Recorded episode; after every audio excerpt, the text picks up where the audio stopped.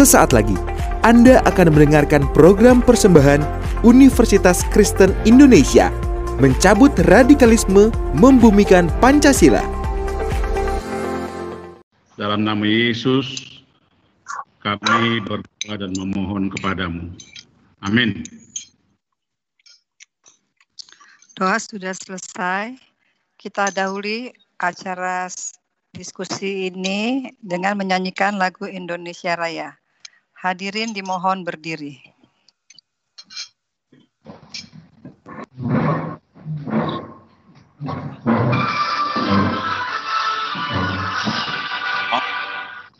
Indonesia tanah airku, tanahku, saudaraku. Di sanalah aku berdiri dari kami ibu. Nesta kebangsaanku, bangsa dan tanah ini. Marilah kita bersama Indonesia bersama. Hiduplah tanahku, hiduplah negeri bangsaku semua. Bangunlah jiwanya, badannya untuk Indonesia Raya. Indonesia merdeka. Ibuku, negeriku yang putih. Indonesia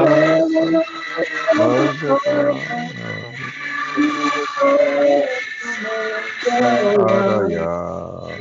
Indonesia Raya, merdeka, merdeka. Tanahku yang putih. Indonesia Raya, merdeka, merdeka.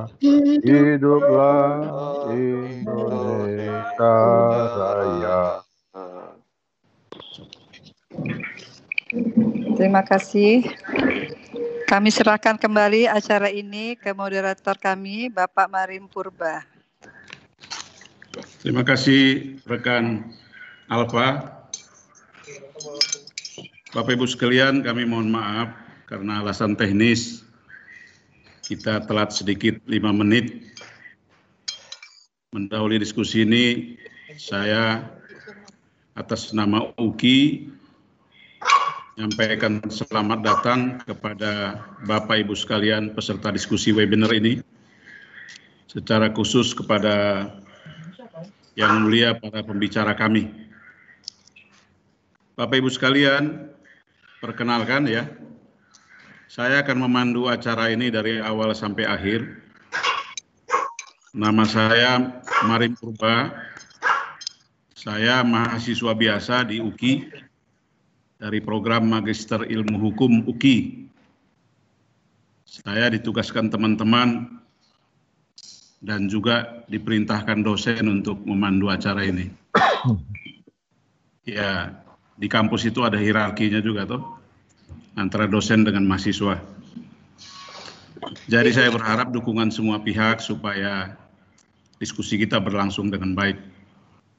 Bapak Ibu sekalian, sebelumnya saya mengucapkan terima kasih atas support dari Eljon TV dan Eljon Radio Network. Acara kita disiarkan langsung di tiga stasiun televisi yang berbeda. Mendahulunya juga saya mengucapkan terima kasih teman kepada teman-teman panitia, kepada Hana Simanjuntak sebagai koordinator acara ini, juga Mangapul, Alfa Ruslina, Eni Novalisa, Elizabeth Charlie, dan kawan-kawan, dan juga ketua kelas saya, Luana Askia Suli. Bapak Ibu sekalian, di masa pandemi COVID-19, saya kira kita sudah terbiasa atau terpaksa untuk diskusi secara online. Jadi saya kira kita sudah tahu tata caranya ya ketika saya atau pembicara berbicara, mungkin yang lain di mute dulu mic-nya. Lalu nanti setelah acara itu kalau ada yang mau bertanya bisa klik logo tangan itu supaya saya tahu mengambil aba-aba dan alangkah baiknya juga kalau ada pertanyaan ditulis chat saja walaupun nanti ada dimungkinkan bahwa bertanya langsung lewat online ini. Saya kira pembicara akan melakukan tugasnya selama masing-masing 15 menit dan di antara itu mungkin saya akan berdialog langsung dengan pembicara jika ada materi-materi yang kita anggap uh, perlu dilengkapi. Mudah-mudahan cara kita bisa cepat, tapi kalaupun tidak sesuai jadwal kita akan selesai pada jam 15 sore ini. Jadi Bapak Ibu sekalian, saya kira terima kasih kepada para pembicara. Saya perkenalkan dulu, sekaligus ucapan terima kasih kepada para pembicara yang telah hadir atas undangan UKI yang pertama Pak Komjen Polisi Dr. Dr. Andus Boy Rapli Amar MH. Selamat siang Pak. Pak, Boy Rapli. Bapak, Bapak bisa unmute juga nggak apa-apa ya. Selamat siang.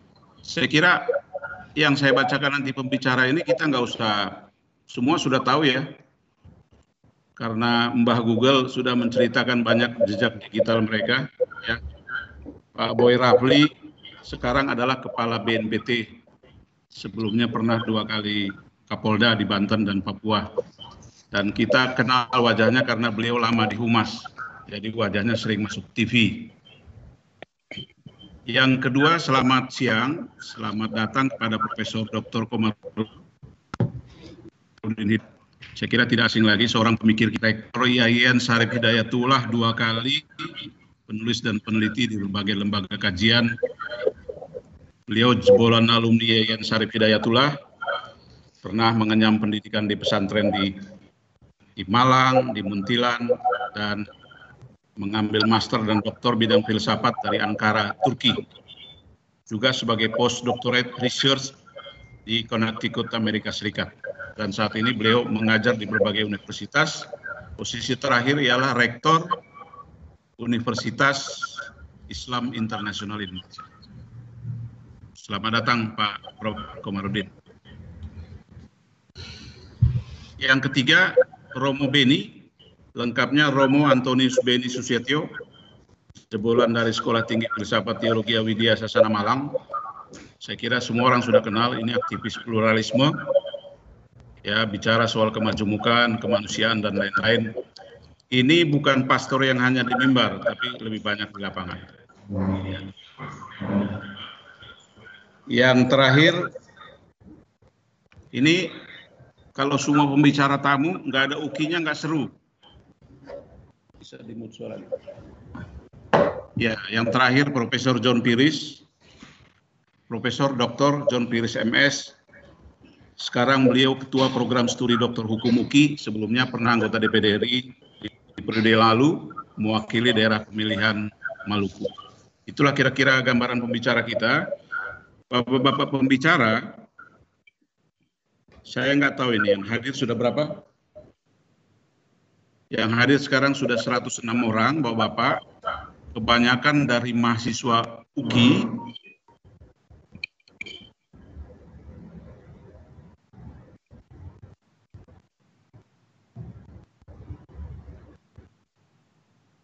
Oke. Okay. Sorry ya.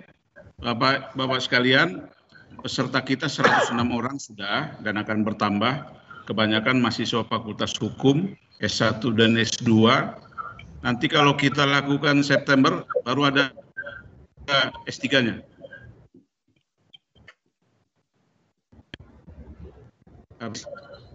Nah, selain itu tentu peserta dari berbagai komunitas, dari lembaga-lembaga, dari aktivis dari berbagai kampus di Indonesia. Saya kira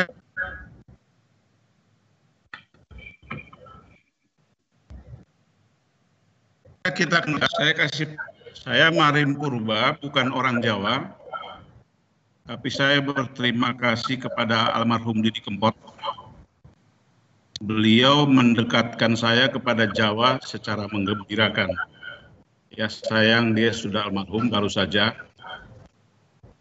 Didi Kempot itu menurut saya orang yang radiks.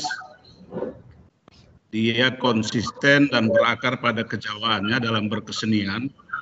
Tapi bapak-bapak sekalian, Didi Kempot itu bukan radikalis.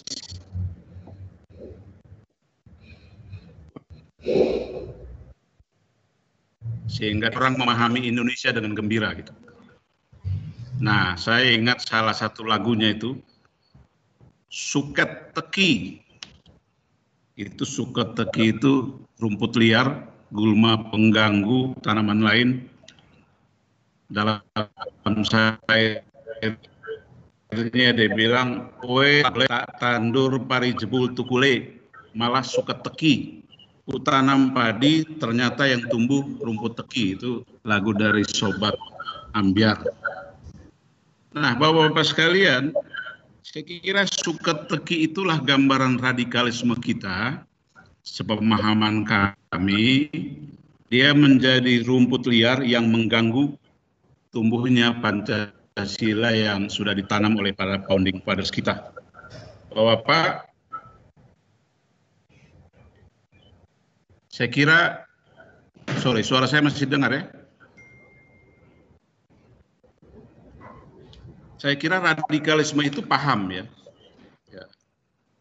Dia menjadi wacana dalam diskursus akademik kita, tapi kalau penganutnya jadi radikalis, jadi fundamentalis, cenderung memaksakan kehendak, itu biasanya bikin teror. Teror ini yang kemudian jadi terorisme. Nah, suka tekiran radikalisme ini yang kami yang sudah ditanam susah payah oleh bangsa kita, maka bagaimana caranya kita memberantas suket teki ini supaya Pancasila makin membumi. Saya kira itu hipotesis dari judul diskusi kita, Bapak-bapak sekalian. Nah, lucunya begini, kalau lembaga lain bikin sosialisasi pengamalan Pancasila, dan kalau dia tidak berlangsung dengan baik, muaranya adalah radikalisme, fundamentalisme, kemudian jadi teror, memperlakukan terorisme. Kami melihat bahwa Pak Boy Rafli adalah penerima residu dari pengamalan Pancasila yang salah ini. Yang kemudian melahirkan paham-paham radikalisme dan fundamentalisme. Jadi kalau kita bicara mengenai Muara dan Hilir, Pak BNPT ini, Kepala BNPT ini menerima hilirnya ini, menerima residunya.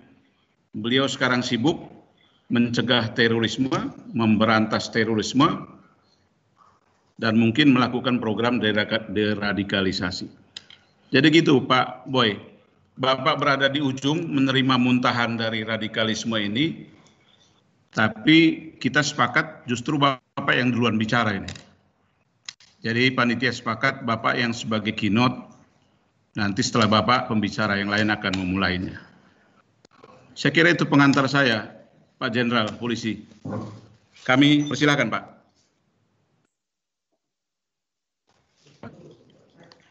Eh, sorry Pak. Sorry Pak, saya Alpa. Karena kita ada tuan rumah di sini, ya,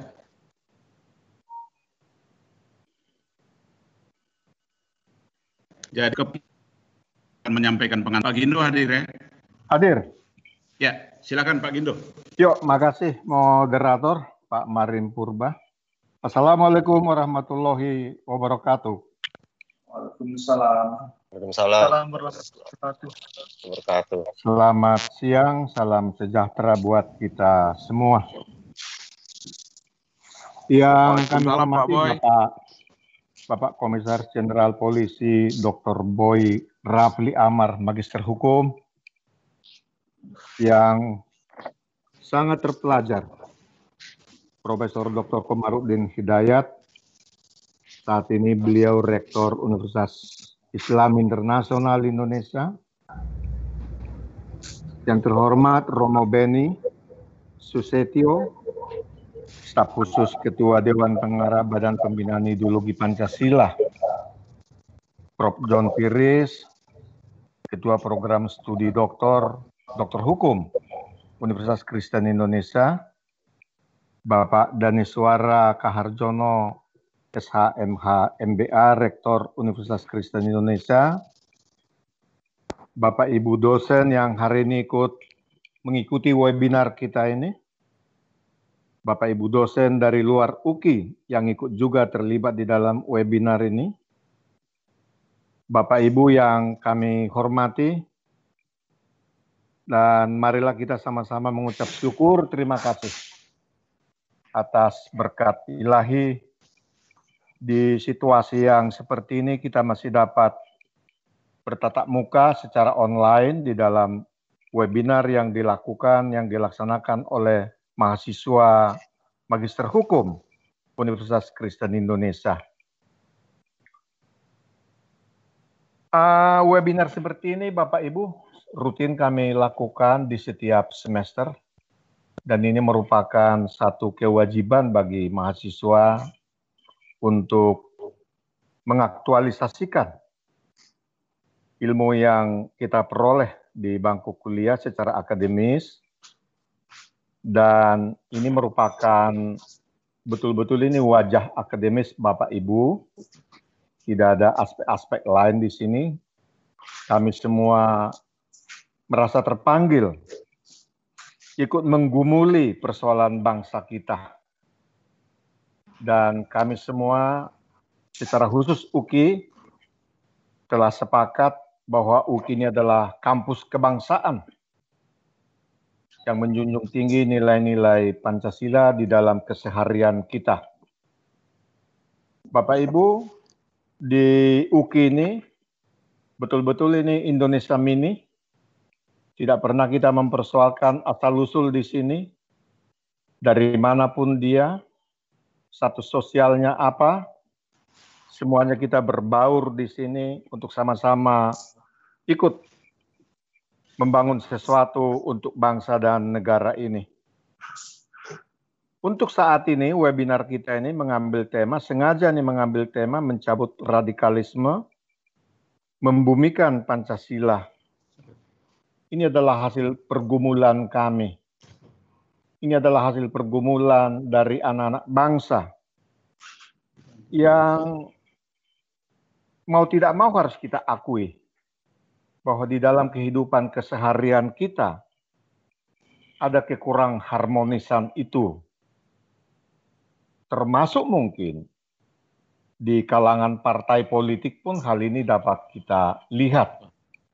Dan di kelompok-kelompok masyarakat, di kelompok-kelompok lembaga swadaya masyarakat dan lain-lain.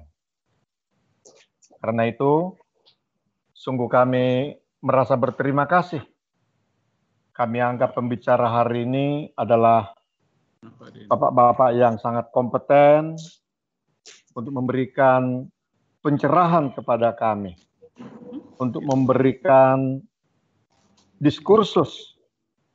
Biarlah melalui webinar yang singkat ini nantinya, kami akan memperoleh sesuatu yang dapat kami rekomendasikan.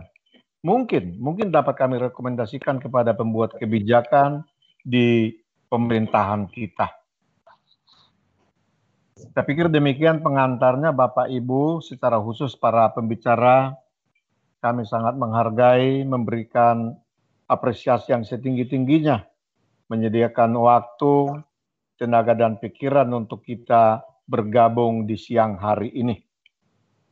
Akhirnya mohon kesediaan Bapak Rektor dapat memberikan sambutan sekaligus membuka webinar kita siang ini. Ini yang dapat kami sampaikan Bapak Ibu. Sekian dan terima kasih. Wassalamualaikum warahmatullahi wabarakatuh. Waalaikumsalam. Terima kasih Pak Gindo. Kami mohon perkenan Pak Rektor. Terima kasih. Shalom. Assalamualaikum warahmatullahi wabarakatuh. Om Swastiastu, Namo Buddhaya, Salam Pancasila yang saya banggakan, Bapak-Bapak pembicara, Bapak Komjen Polisi Dr. Boy Rafli Amar, Bapak Beni Susetyo, Bapak Profesor Dr. Komarudin Hidayat, Bapak Profesor Dr. John Piris, Bapak Ibu pimpinan Universitas Kristen Indonesia, serta Bapak Ibu sekalian yang saya muliakan. Baik, uh, pada kesempatan ini tentunya saya mengucapkan selamat datang, walaupun kedatangannya secara online, di Kampus Kasih, Kampus Bhinneka Tunggal Ika, Kampus Kebanggaan, dan Kampus Kebangsaan dari Universitas Kristen Indonesia Universitas Kristen Indonesia atau yang biasa kita panggil sebagai UKI lahir 67 tahun yang lalu. Jadi sebagai salah satu universitas tertua yang ada di tanah air. Hanya 8 tahun setelah Indonesia merdeka. Dan tentunya pendiri UKI adalah juga pendiri bangsa ini. Sehingga tentunya spirit kebangsaan sangat meletak, sangat melekat di hati kami pimpinan-pimpinan Universitas Kristen Indonesia. Dan memang webinar pada hari ini, tadi dikatakan oleh Pak Gindo, topiknya adalah mencabut radikalisme, membumikan Pancasila.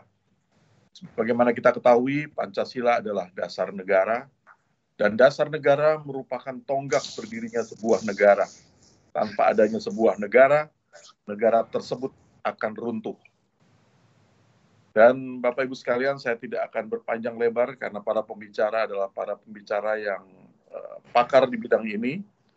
Saya hanya mengucapkan selamat datang, selamat mengikuti seminar ini, webinar ini dengan baik, dan kiranya webinar ini bisa bermanfaat bagi kita semua dan juga bagi bangsa dan negara. Dengan mengucapkan puji syukur kehadirat Tuhan Yang Maha Kuasa, dengan ini webinar pada hari ini secara online dengan topik mencabut radikalisme, membumikan Pancasila. Dengan ini resmi saya buka. Tuhan memberkati kita semua. Wassalamualaikum warahmatullahi wabarakatuh.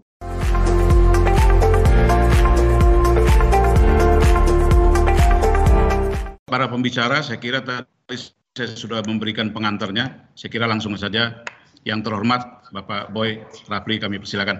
Baik, terima kasih atas waktu yang diberikan. Assalamualaikum warahmatullahi wabarakatuh. Waalaikumsalam. Shalom, Om Swastiastu, Namo Buddhaya, Salam Kebajikan. Yang kami hormati, kami muliakan seluruh sivitas akademika dari Universitas Kristen Indonesia, hadir tadi Bapak Rektor, seluruh panitia dari webinar, rekan-rekan yang juga termasuk para mahasiswa mahasiswi yang menjadi peserta pada hari ini dan tentu yang kami hormati kami muliakan para para sumber ada Bapak Prof. Dr. Marwin Hidayat dan Bapak Romo Bedi Susetio dan ibu bapak lainnya satu-satu yang tidak dapat kami sebutkan, mohon maaf. Kita bersyukur siang ini bisa silaturahmi forum dialog kebangsaan yang menetapkan tema mencabut radikalisme dan memberikan Pancasila yang tentu ini merupakan sesuatu hal yang sangat baik dan menarik dan BNPT menyambut baik penetapan dari topik dari webinar kita hari ini karena ini memang sesuatu hal yang sedang menjadi trending juga di tengah-tengah masyarakat kita dan dunia. Jadi bukan saja di Indonesia, tentu radikalisme yang konotasinya adalah radikalisme negatif, radikalisme intoleran, dan mengarah kepada perbuatan teror. Jadi terima kasih kepada UI dan memang benar BNPT sangat concern sekali berkaitan dengan nilai-nilai kebangsaan yang telah ditanamkan oleh para leluhur kita ketika akan menegara telah menetapkan konstitusi dan falsafah bangsa kita berdasarkan Pancasila. Jadi semuanya tentu berangkat dari keberagaman menghormati dan perbedaan kebinekaan bangsa Indonesia yang ketika dulu di awal menegara para leluhur kita yang merupakan tokoh-tokoh besar, proklamator, tokoh-tokoh nasionalis dan juga ulama ikut mengawal dari lahirnya konstitusi negara kita yang dalam sejarah sudah berjalan tujuh hampir 75 tahun ini banyak sekali gangguan, hambatan yang dialami negara kita, terutama ujian terhadap konstitusi negara dan ideologi negara Pancasila. Hari ini tentu kita bagian dari generasi penerus yang punya tanggung jawab untuk melestarikan nilai-nilai luhur bangsa ini. Sampai kapan pun tentu sebagai anak bangsa dari generasi ke generasi merupakan sebuah kewajiban kita bersama agar yang telah ditanamkan oleh leluhur kita dapat lestari berjalan dari masa ke masa dan tentunya menjadi sebuah sarana dalam upaya pencapaian cita-cita proklamasi yang untuk mewujudkan bangsa Indonesia yang maju, berdaulat, adil, makmur, dan sejahtera. Oleh karena itu, kita semuanya tanpa terkecuali yang mengaku sebagai warga negara Indonesia tidak luput dari sebuah tugas, dapat juga dikatakan sebagai sebuah kewajiban, kalau masih merasa sebagai warga negara Indonesia. Kita melihat bahwa banyak interpretasi terkait dengan masalah radikalisme. Saya ingin langsung merilis apa yang disampaikan oleh dikeluarkan dirilis oleh Kementerian Polhukam bahwa setidaknya ada tiga definisi radikal. Yang pertama ideologi terkait dengan keyakinan. Pada pengertian ini radikal terkait dengan ideologi yang memandang bahwa radikal berarti harus selalu bergerak dalam ranah politik dan sistem negara harus diganti. Yang kedua adalah berkaitan dengan paham takfiri. Hal ini berkaitan dengan agama dalam model penyebaran paham takfiri ini seseorang atau kelompok seolah selalu uh, mengatakan bahwa orang-orang yang berlainan iman dengannya adalah kelompok kafir Kemudian yang ketiga adalah jihadi. Pada pengertian ini radikal. Didefinisikan sebagai perilaku yang sudah berani melakukan aksi kekerasan-kekerasan yang diasumsikan sebagai jihad. Kelompok radikal jihadi menganggap bahwa membunuh dan melakukan tindakan-tindakan kekerasan merupakan hal yang bagian dari perjuangan. Jadi eh, bahkan menggunakan atas nama agama, atas nama Tuhan. Fenomena ini terjadi di negara kita akhir-akhir ini. Setidaknya dalam tidak usah terlalu lama ke belakang, tapi paling tidak dalam era 20 tahun terakhir. Jadi perkembangan lingkungan strategis yang sangat luar biasa berkaitan dengan kondisi eh, keamanan baik pada tingkat lokal, global, yang saling berpengaruh satu sama lainnya. Kita melihat bahwa kelompok-kelompok radikal yang barusan tadi kami sampaikan itu telah dengan nyata melakukan kejahatan-kejahatan yang dikategorikan sebagai kejahatan teror. Yang di dalam hukum positif negara kita telah menetapkan. Jadi kita pasca reformasi telah menetapkan peraturan pemerintah nomor 1 tahun 2002 pasca terjadinya bom Bali kemudian dikuatkan menjadi Undang-Undang Nomor 15 Tahun 2003 dan kemudian dilakukan perubahan menjadi Undang-Undang Nomor 5 Tahun 2018 Undang tentang tindak pidana terorisme. Jadi definisi terorisme atau delik terorisme telah diatur di dalam hukum positif negara dan tentu itu menjadi kontrak sosial jadi acuan kita bersama untuk tidak ragu-ragu melakukan langkah-langkah hukum terkait dengan tindakan-tindakan aksi teror yang sudah masuk dalam ranah hukum positif negara kita. Kita harus meyakini bahwa terorisme adalah kejahatan. Jadi yang dilihat adalah suatu perbuatan kekerasan, kejahatan yang ekstra ordinary, kejahatan yang luar biasa, kejahatan yang serius, serious of crime, dan kejahatan yang bersifat transnasional, kejahatan antar negara. Karena kejahatan ini tidak berdiri sendiri, sangat berhubungan dengan mereka-mereka yang juga melakukan kegiatan-kegiatan sama yang menurut mereka sebagai sebuah perjuangan walaupun mereka tidak berada di Indonesia. Mereka saling ketersambungan dikarenakan kesamaan ideologi tadi. Nah dalam hal ini kita tentu terganggu.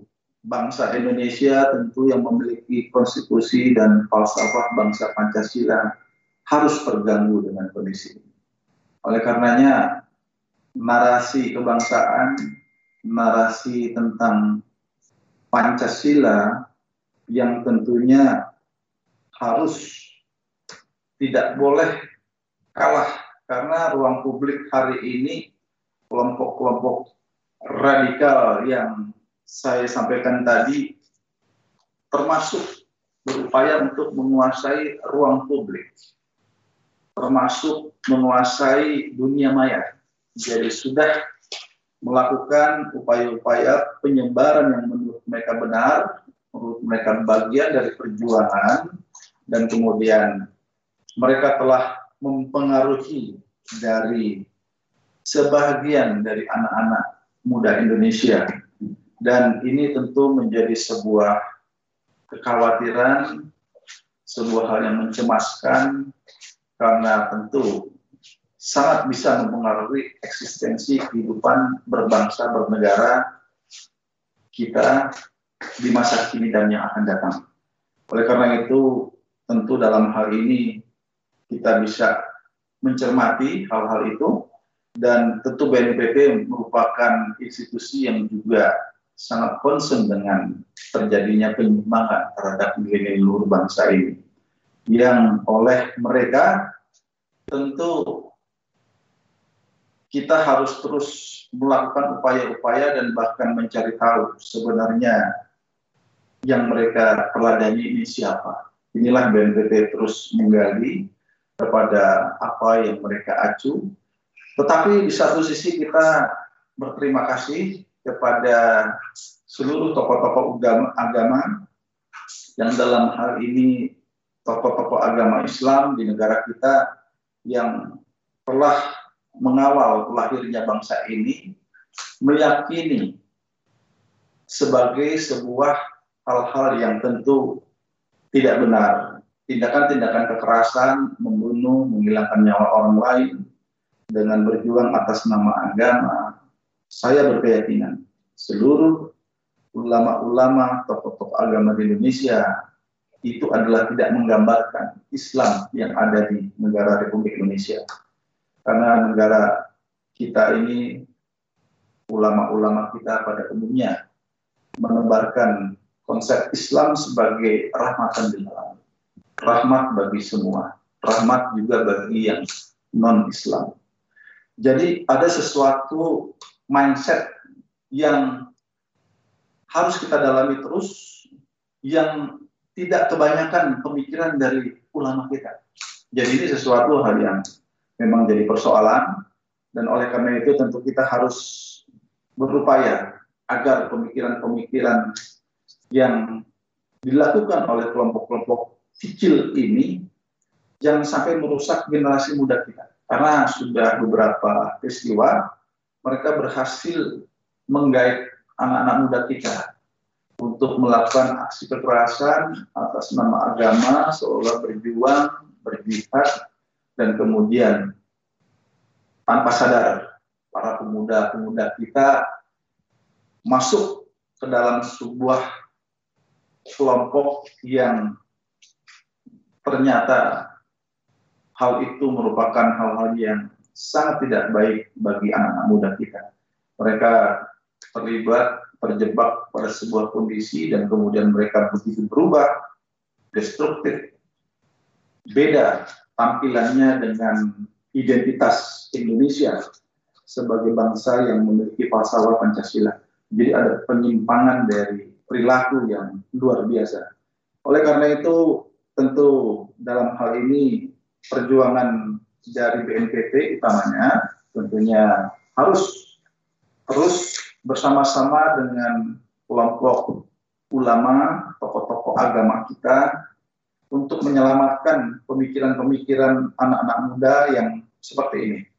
Jadi kami terus berjalan dan masih akan lagi ada kegiatan-kegiatan bersama yang tentunya membutuhkan waktu yang tidak sedikit karena kelompok-kelompok ini juga terus bekerja, berjalan tanpa disadari berada di tengah-tengah masyarakat kita dan juga mempengaruhi anak-anak muda kita.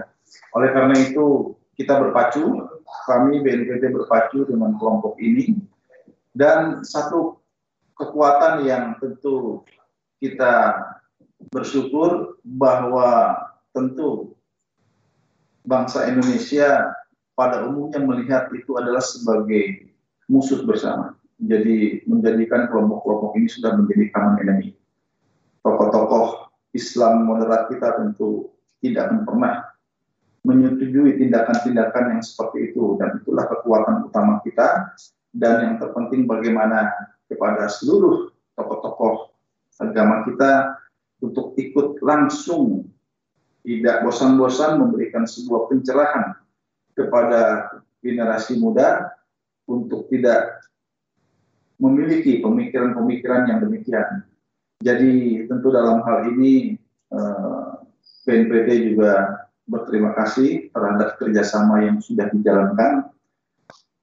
Langkah-langkah dalam rangka memoderasi pemikiran-pemikiran radikal ini tentu di samping kita juga bekerja sama dengan ulama tentu kita juga berupaya untuk terus melakukan kontra radikalisasi. Jadi penyebar luasan radikalisme atau spread of radicalization ini hari ini juga tadi telah kami sampaikan berlangsung di dunia maya. Oleh karenanya langkah-langkah literasi dan edukasi di dunia maya ini juga menjadi bagian yang selama ini kami lakukan. Kontra narasi yang kami lakukan bagaimana pada akhirnya narasi kebangsaan harus menjadi dominan.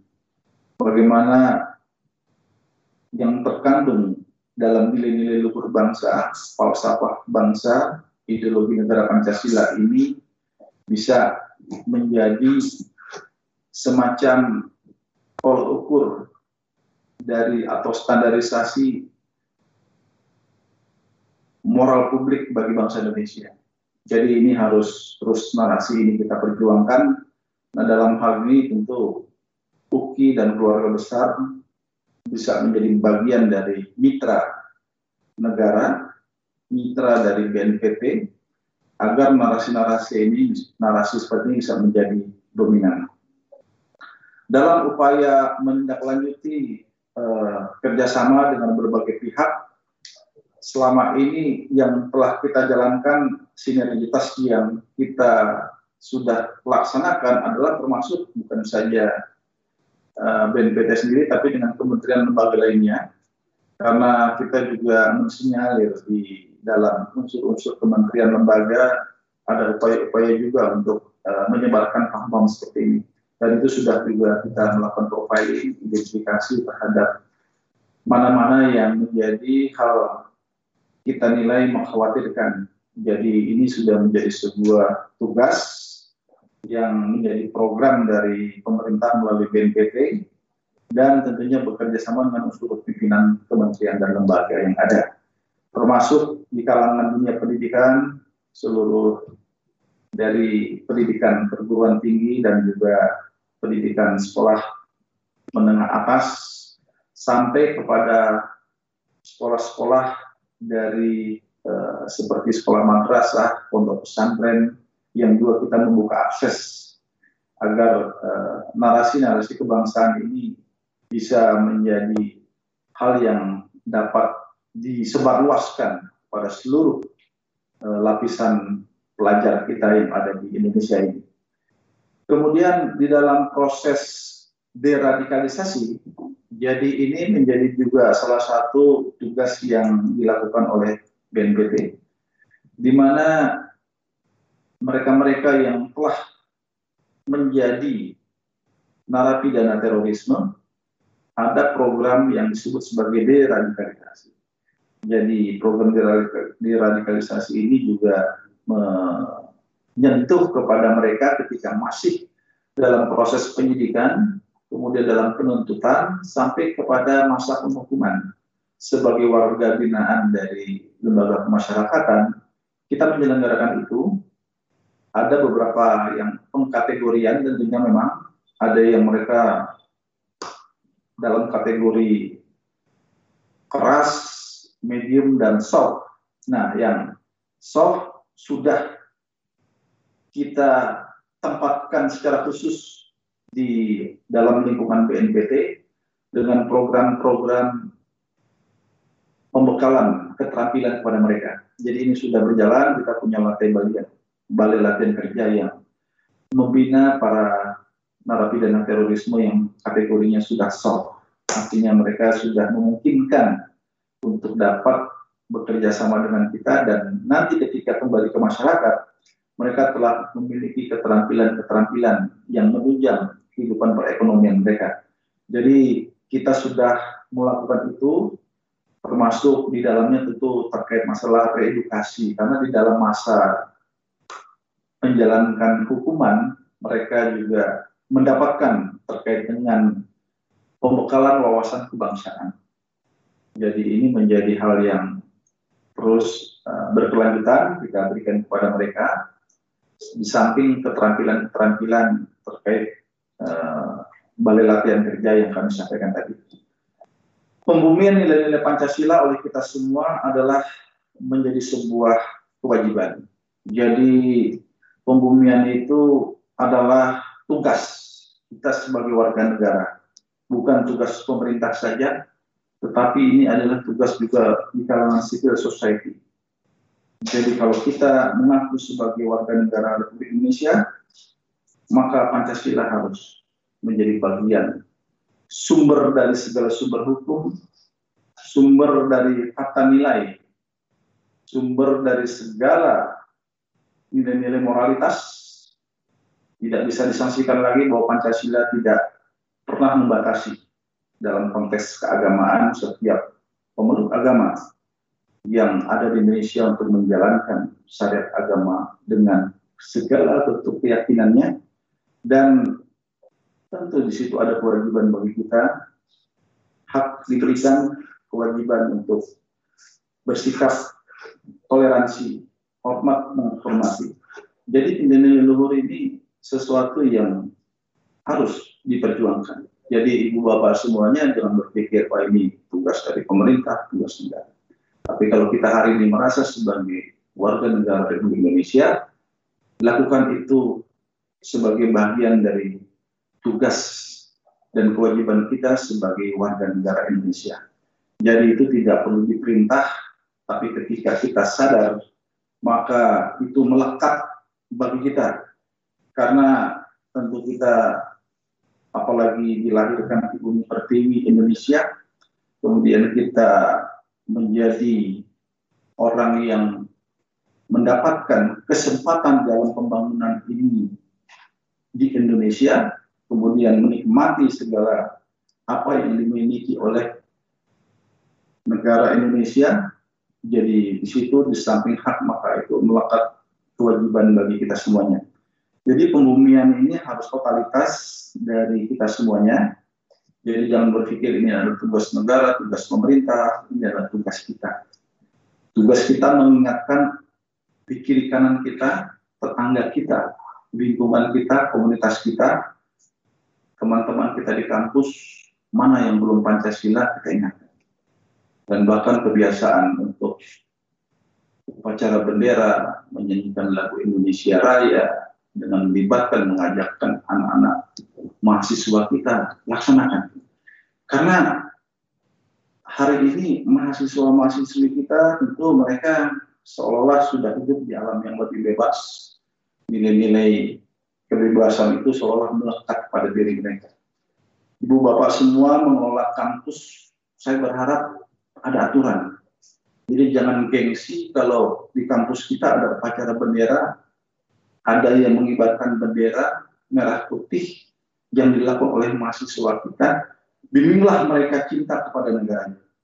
Jadi kalau hari ini upacara bendera bukan menjadi sebuah hal yang tradisi, nah kita berharap semua sekolah-sekolah termasuk perguruan tinggi harus semua harus dipaksa untuk menjadikan nilai-nilai luhur bangsa ini menjadi hal yang kita dalami, kita hayati, kita amalkan. Jadi ini tentu peran juga dari seluruh perangkat, unsur pemerintahan, dan masyarakat untuk kita sama-sama. Jadi ada proses pemuliaan nilai-nilai Pancasila yang dilakukan oleh warga negara. Jadi mohon ini juga bisa dipelopori oleh teman-teman yang berada di UKI, sehingga mahasiswa-mahasiswa baru kita pun melihat, wah ini tradisi yang tidak bisa diabaikan. Ini adalah ciri khas dari UKI. Dan tentunya semua harus ikut kepada aturan-aturan ini.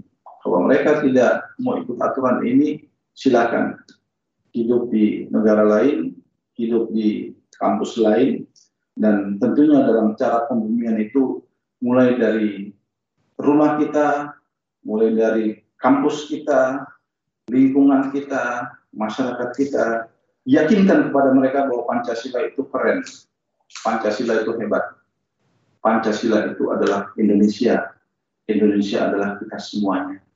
Jadi ini tidak boleh ragu-ragu ibu bapak semuanya agar ruang-ruang pemikiran radikal, intoleran, teror itu tidak hinggap dalam kehidupan masyarakat kita kalau ini bisa kita lakukan secara masif, totalitas, orang-orang yang berpikir lain tentang keindonesiaan akan tidak ada tempat. Dan mereka mau tidak mau dipaksa harus tunduk dengan kondisi ini. Jadi mudah-mudahan ini tidak hanya pada sebatas webinar, tapi harus diimplementasikan dengan aktivitas-aktivitas yang mendorong pada akhirnya kita semua mengakui bahwa Pancasila itu adalah nilai-nilai luhur yang harus kita patuhi bersama. Bukan hanya di dalam hati, dalam pikiran, harus diwujudkan dalam tindakan. Oleh karena itu infrastrukturnya harus dipersiapkan oleh kita. Di kampus tentunya salah satunya bagaimana dialog studi Pancasila ada, kemudian praktek agar warga kita memiliki nasionalisme yang baik, ini harus kita berikan ruang.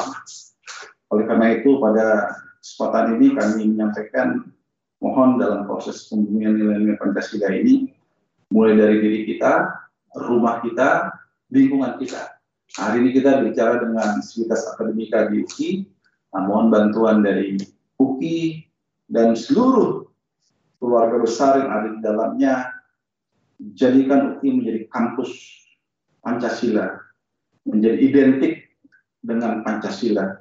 Tidak perlu ada keraguan, itu adalah Indonesia.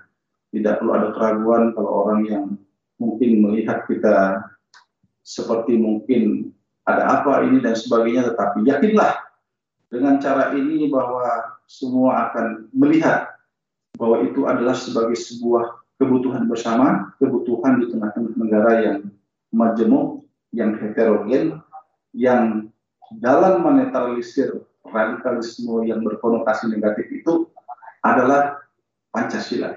Jadi Pancasila adalah ideologi yang menetralisir pemikiran-pemikiran garis keras, pemikiran intoleran, radikalisme teror yang fenomena itu bermunculan di tengah-tengah masyarakat kita. Jadi kita yang bersyukur memiliki akal sehat dan menempatkan Pancasila sebagai sebuah ideologi yang mulia, tentu itu menjadi tugas kita bersama. Demikian kiranya mungkin tentu banyak ibu bapak atau narasumber yang tentunya akan menyampaikan materinya kami persingkat terlebih dahulu dan kita bisa lanjutkan dengan diskusi. Sekian dan terima kasih. Assalamualaikum warahmatullahi wabarakatuh. Terima kasih Pak Boy Ramli, Kepala Badan Nasional Penanggulangan Terorisme yang sudah menyampaikan uh, beberapa pokok pikirannya.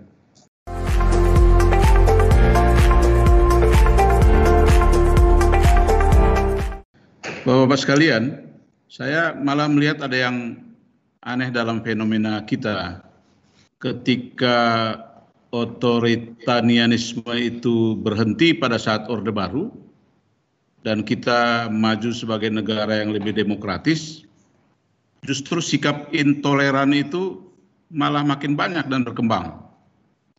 Saya kira ada ada kekeliruan mengenai relasi-relasi kita. Saya dapat konfirmasi bahwa Profesor Dr. Komarudin akan bicara mengenai hubungan negara dan agama dan mungkin di situ nanti ada jawabnya. Saya kira untuk yang kedua kami persilakan Pak Profesor Dr. Komarudin. Silakan Pak. Terima kasih. Selamat siang teman-teman semuanya. Selamat Senang siang, ketemu Pak, Pak Boy Rafli. Sudah lama tidak ketemu dan kawan-kawan semuanya. Baiklah, saya akan mulai menyampaikan beberapa pemikiran saya hubungan agama dan negara. Uh, lebih persisnya adalah negara, Pancasila, dan agama. Negara, Pancasila, dan agama. Jadi Pancasila ini menjembatani posisi antara agama dan negara. Uh, walaupun kadang-kadang jembatan ini mungkin ada yang berusaha mematahkan ya, tapi tanpa Pancasila memang hubungan agama dan negara itu nanti bisa semakin bermasalah. Satu, eh, agama itu bergerak pada dasarnya pada level individual dan sosial. Jadi di mana pun agama itu lebih merupakan urusan pribadi. Eh, nah dari pribadi berkembang menjadi satu concern komunal. Makanya di negara mana pun muncul komunitas dengan identitas agama. Walaupun di negara sekuler juga muncul komunitas keagamaan di Indonesia komunitas keagamaan ini tidak hanya Islam semuanya, tapi mayoritas secara demokratis Islam. Ini dulu punya kolektif memori ikut berjuang menegakkan negara, melahirkan negara. Nah, oleh karena itu sebagian mindset umat beragama itu masih lebih dekat pada wilayah ranah komunalisme pada wilayah sosial. Kemudian pada level kenegaraan agama ini diakomodasi satu dalam undang-undang dasar, dalam Pancasila, dalam kebijakan negara yang paling nyata adalah Departemen Agama dan sekian banyak tradisi ritual keagamaan di lingkungan istana. Hanya di Indonesia acara keagamaan itu berada di lingkungan istana dan itu rasanya tidak mungkin untuk dicabut itu karena akan mengundang perlawanan. Eh, oleh karena itu eh, di sini Pancasila diharapkan pada tataran atas ini sebagai realitas simbolik ideologis mengatur mengendalikan atau sebagai ideologi bernegara. Dalam wilayah itu sungguhnya sudah selesai. Pancasila sebagai ideologi negara sudah selesai. Dan ancaman luar pada Indonesia secara militer, saya yakin semakin kecil. Karena tidak ingin dunia, lebih-lebih negara tetangga, Indonesia ini menjadi negara gagal. Kalau sampai negara gagal, yang susah negara-negara tetangga. Kita belajar dari kasus Syria yang penduduknya tidak seberapa ketika menjadi negara gagal membuat kacau balau sampai ke Eropa. Nah bayangkan kalau Indonesia negara gagal itu akan kacau Asia. Oleh karena itu banyak negara-negara yang tidak ingin Indonesia negara gagal. Dan juga kita dilindungi, dibentengi oleh kepulauan. Eh, makanya Pancasila, Pancasila si pemersatu bangsa negara itu sudah selesai, sudah kokoh. Bahkan ormas-ormas keagamaan terbesar di Indonesia, Muhammadiyah dan NU, yang dulu dia bergerak pra kemerdekaan. Jadi alam pikiran NU Muhammadiyah itu bergerak sejak pra kemerdekaan sampai negara ini lahir, mereka konsisten menjaga kesatuan. Adalah satu keajaiban sejarah Indonesia yang begitu plural, agama, etnis, bahasa, pulau, plural sekali, menjadi satu negara kesatuan. Ini satu keajaiban sejarah. Makanya model pengembangan pembangunan Indonesia jangan meniru negara kontinental, tidak cocok. Karena sejarahnya, anatominya, kolek memori itu beda. Jadi kalau kita ngikuti negara kontinental, pasti tidak cocok. Karena kelahirannya beda. Negara bangsa Indonesia itu beda, anatominya juga beda. Nah kemudian eh, tokoh-tokoh baik etnis, agama, ini mereka sepakat untuk mendirikan negara. Jadi kita harus selalu ingat mengapa mereka itu sepakat mendirikan negara. Yaitu tujuannya sebagaimana ditantumkan dalam UUD 45 dalam Pancasila. Rumusan Pancasila itu sebagai antitesis terhadap kondisi-kondisi zaman penjajahan. Kita ingin bangsa ini berketuhanan, ini ada dimensi teokratisme berketuhanan, bukan sekuler. Kemudian apa? Kebertuhanan yang menjunjung tinggi kemanusiaan. Ini ada dimensi liberalisme, kemerdekaan, kemanusiaan. Yang perlu dicatat adalah kebertuhanan yang kita inginkan adalah kebertuhanan yang inklusif, yang penuh kasih sayang, yang welas asih, yang rahman rahim, sehingga apa? Dia kemudian akan berimplikasi pada menghargai kemanusiaan. Kalau orang itu beragama dengan marah, maka dia sulit menegakkan sila kemanusiaan. Gitu. Jadi yang kita kembangkan sungguhnya keagamaan yang rahmatanil alamin. Keberagaman yang penuh kasih sayang, maka kemudian apa? Dia akan menyayangi sesama manusia. Jadi eh, konsekuensi dari sila kedua ini sungguhnya kelanjutan dari sila pertama kalau orang aku beriman pada Tuhan, maka mestinya dia harus menghargai hamba Tuhan, yaitu manusia. Kemudian manusia siapa? Yang pertama kita hargai adalah keluarga kita, kerabat kita yang berada dalam satu rumah kita. Rumah mana? Rumah Indonesia.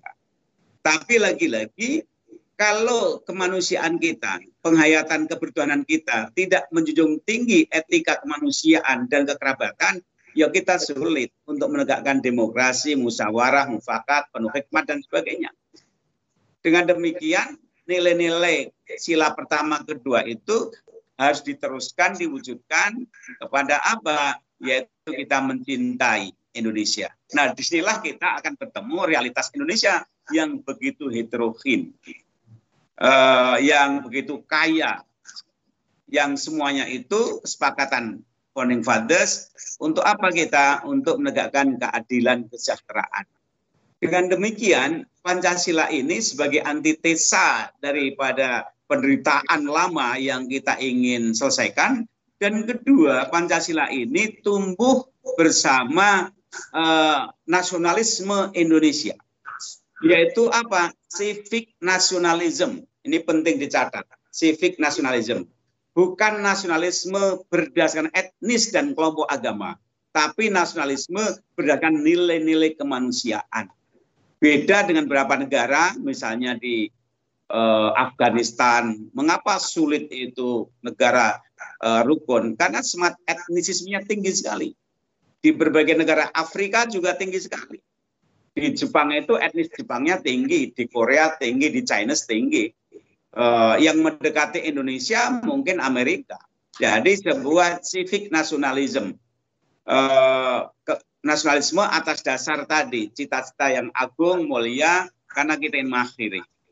Nah, ada sekalian dengan demikian kohesi sosial problem kita itu lagi-lagi kohesi sosial yang tidak cukup diikat dengan Pancasila sebagai realitas simbolik. Yang itu sudah selesai selama ini kita bicara Pancasila sebagian besar sebagai retorika ideologi simbolik pada tingkat negara dan bangsa. Itu bangsa sudah selesai. Yang diperlukan adalah tadi bagaimana diturunkan pada living values, kebijakan, tolok ukur, semacam GBAN, benchmark, kriteria, apakah seorang pemimpin itu sudah Pancasila atau belum, diderivasi dari nilai-nilai itu. Makanya eh, lahan tempat lokus untuk mengembangkan Pancasila salah satunya adalah sekolah. SMA ke bawah ini sangat instrumental jadi kita perlu mengadakan penelitian, mengadakan stimulus dan juga proyek sekolah-sekolah mana yang sudah melaksanakan best practice menerjemahkan sila-sila itu bagi murid-muridnya. Saya punya beberapa eh, penelitian dan lab bagaimana menyampaikan Pancasila tanpa harus dengan kata Pancasila. Eh, dan pelan-pelan mereka tahu bahwa ini sesuai dengan Pancasila, kemanusiaan, Sebab hanya dengan cara seperti itu, maka ketika dia tumbuh menjadi citizen, warga negara, dia akan inklusif. Spiritualitasnya dia hayati, spiritualitas kebertuhanan yang berimplikasi pada kemanusiaan dan cinta pada bangsa dan negara. Saya percaya ya bahwa anak-anak milenial pun itu eh, cinta pada bangsanya, negaranya itu tinggi jangan dianggap ringan. Berapa penelitian kami menunjukkan itu. Nah, satu hal yang uh, perlu kita pelajari, kita kaji sekarang ini, saya akan minjam satu analisis Yuval Noah Harari itu gini. Di samping ada beberapa buku yang lain, Why Nation Fail, itu agak mendekati walaupun agak beda, tapi ada titik temu. Satu gini, bangsa negara mana pun ada tiga agenda yang harus kuat. Satu apa? Sains dan teknologi high tech. Negara bangsa mana pun yang tidak maju, sayang teknologinya akan ketinggalan. Kita dipaksa masuk ke satu digital culture 4.0, 5.0. Jadi kalau kita tidak mengembangkan sains teknologi, kita akan ketinggalan. Dalam hal ini sayang sekali masyarakat pemerintah kita itu lambat dalam mendorong munculnya perkembangan sains dan teknologi. Agenda yang kedua, lagi-lagi saya menjam Harari adalah apa? Birokrasi pemerintahan yang efektif, yang wibawa, yang melayani, yang agile, yang gesit untuk mengikuti perkembangan. Karena teknologi itu berkembang lebih dulu langkahnya dibanding birokrasi. Birokrasi negara selalu ketinggalan ketika menghadapi perkembangan high-tech. Eh, negara bangsa mana pun kalau birokrasinya itu tidak efektif, tidak transparan, tidak melayani, maka potensi bangsanya, rakyatnya tidak bisa dimanage dengan optimal. Banyak contoh, Anda bisa baca buku Why Nation Fails, bahwa salah satunya adalah apa? Problemnya pada suprastruktur, pada birokrasi uh, politik maupun birokrasi kepartian. Kalau itu efektif, maka akan Eh, berat dampaknya pada masyarakat. Yang ketiga adalah apa? Identitas. Sebuah bangsa yang maju, dia punya identitas, di dalamnya ada values, ada spirit, ada keyakinan yang menjadi motivasi dan bangga bahwa saya bangsa ini.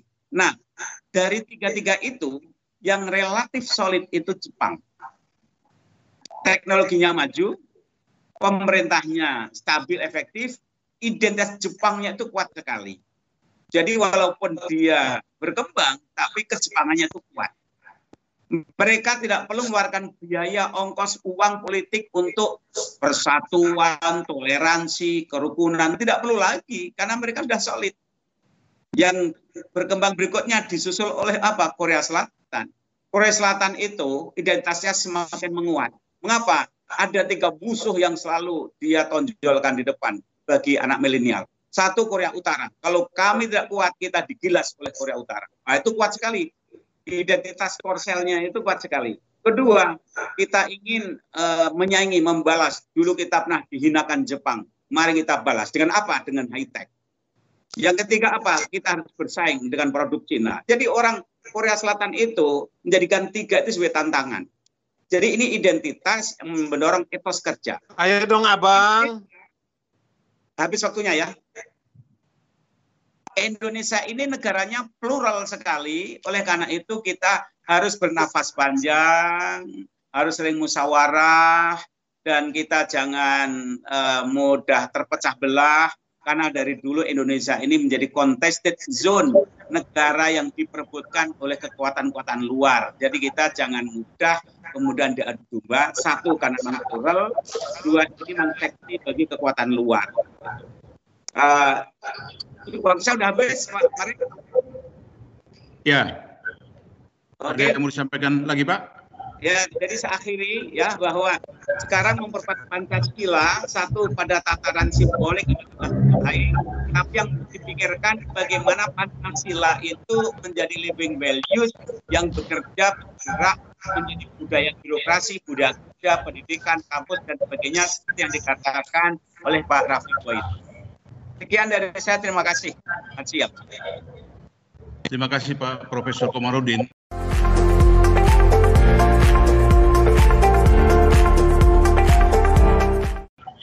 Pak bisa lanjut sedikit Pak, karena tadi ada hipotesis awal kita makin demokratis, tapi kenapa makin banyak orang yang intoleran? Apakah asumsi Bapak tadi bahwa ada semacam ahistoris dari memori kolektif para agamawan tadi hubungannya dengan negara? Ini konsekuensi logis mata rantai dari perjalanan bangsa yang plural yang demokratis penduduk besar, plural, demokrasi itu pasti ribut dan itu harus dilalui dengan cerdas. Amerika pernah melalui yang dan selama 100 tahun lebih itu baru bisa menyelesaikan. Kita belum sampai 100 tahun. Jadi jangan harap Indonesia ini tidak bising. Di mana pun demokrasi mesti bising. Lebih-lebih ini adalah plural, kemudian keadilan, kesejahteraan juga belum merata ini tidak bisa dielakkan, tapi ini harus dihadapi. Jadi bagian dari mata rantai sejarah, kita harus bernafas panjang.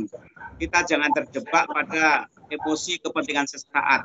Nah, tugas kampus intelektual harus menjelaskan. Hmm. Oke, baik, Prof. Mungkin nanti ada pertanyaan lanjutan dari para peserta. Terima kasih untuk uh, Profesor Omarudin. Yang penting ialah nilai-nilai Pancasila yang simbolik, harus menjadi living value yang hidup di tengah-tengah masyarakat. Saya kira ini tugasnya BPIP ini dibentuk oleh Presiden, lalu mengkaji Pancasila yang mungkin tidak mirip-mirip BP 7 zaman dulu, tapi mungkin ada yang bisa dilakukan Pak dalam rangka mendaratkan Pancasila itu, membumikannya. Saya kira bagiannya Pak Beni, Pak Romo Beni. Silakan Pak Beni. Yang saya muliakan Jenderal Raffi Boi, yang saya muliakan Pak Rektor, Civitas Akademi, dan para pembicara. Kalau kita bicara tentang tema tadi, sebenarnya kan kita melihat kalau kata radikalisme, radik itu kan bahasa latin berakar. Secara positif, seorang beriman ya pasti radikal, karena dia mengimani keyakinannya dan berpegang teguh pada keyakinan. Tapi apa yang dikatakan oleh Mayer secara negatif kerap kali, agama itu mudah dimanipulasi untuk kepentingan politik sesaat dan membenarkan budaya kekerasan. Sehingga Mayer dalam bukunya Film or Religion itu mengingatkan kembali tentang bagaimana penaksiran agama itu jangan mudah digunakan dalam taksiran politik kepentingan. Nah, kita menghadapi bahaya terbesar kalau kita tidak merebut ruang publik, yaitu yang disebut kultur kematian. Dalam kultur kematian itu kerap kali yang namanya akal sehat, yang namanya manipulasi kebenaran-kebenaran yang sifatnya ilahi itu kerap kali dimanipulasi untuk menghancurkan nilai kemanusiaan itu. Nah, bagaimana kita menghadapi serbuan dalam era digital ini yaitu perebutan wacana ruang-ruang publik itu. Nah, sebenarnya kita harus belajar dari seorang filsuf yang disebut Franciscus Bacon, itu abad 16. Siapa yang menguasai teknologi, informasi, dan komunikasi, dia menguasai dunia. Lah pertarungan kita di situ. Lah bagaimana membumikan Pancasila dalam konteks dunia saat ini, yaitu dunia yang di, yang di dunia saat ini kan bagaimana teknologi itu begitu dominan, kecepatan, informasi, maka dibutuhkan satu kesadaran bagaimana kita menggunakan media sosial itu sebagai sarana untuk mewujudkan nilai-nilai kemanusiaan, mewujudkan persaudaraan, dan mewujudkan yang namanya kebersamaan. Maka di sini pentingnya kita mampu dalam mensosialisasikan Pancasila, kita harus tahu siapa yang hendak menjadi sasaran kita. Sasaran kita ini generasi milenial yang kurang lebih 129 juta pengguna gadget. Lah dari hasil-hasil survei, apa yang menjadi kegemaran mereka, kesukaan mereka, hobi mereka, itu yang paling tinggi anak-anak muda sekarang itu lebih menggandrungi tokoh-tokoh idolanya itu adalah atlet, entah basket, entah poli, entah bulu tangkis, entah sepak bola. Tapi kedua baru yang paling besar bagi mereka yang mereka sukai adalah apa? Yaitu artis, entah itu penyanyi, entah sinetron. Baru yang ketiga industri kuliner.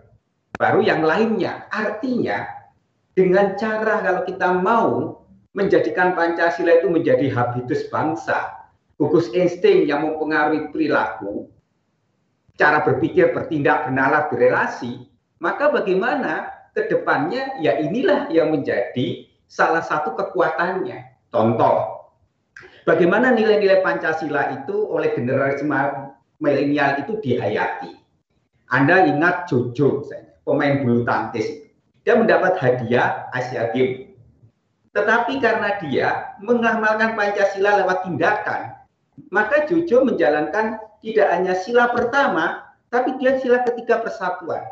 Meskipun Jojo berbeda keyakinan, tetapi jiwa kemanusiaannya luar biasa. Dia membantu pendirian masjid. Tetapi Jojo juga melakukan aktivitas kemanusiaan. Ada jutaan orang seperti Jojo itu yang menggayati Pancasila dalam tindakan.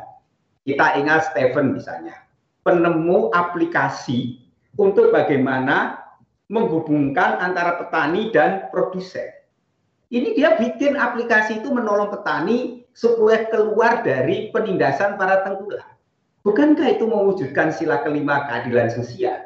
Dan ini jutaan anak muda melakukan aplikasi itu. Contohnya badai COVID ini.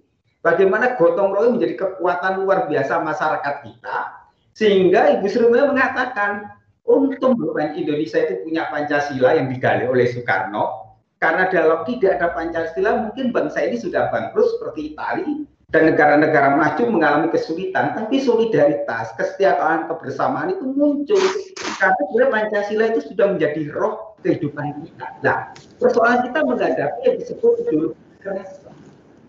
Mengapa ideologi kekerasan muncul? Itu banyak faktor entah faktor ekonomi, kesenjangan, kefrustasian, tapi juga faktor pemahaman agama yang tidak utuh. Itu kan banyak faktor. Nah, problem kita kalau menanamkan ideologi Mas Amir yang masuk ke dalam pintu hati anak-anak muda itu. Yang sekarang nggak mungkin lagi model-model waktu konteks zamannya mungkin zaman saya mau penataran Pancasila dua minggu. Saya ikut bikin makalah. Tapi anak-anak muda sekarang tidak mau lagi seperti itu doktrinan.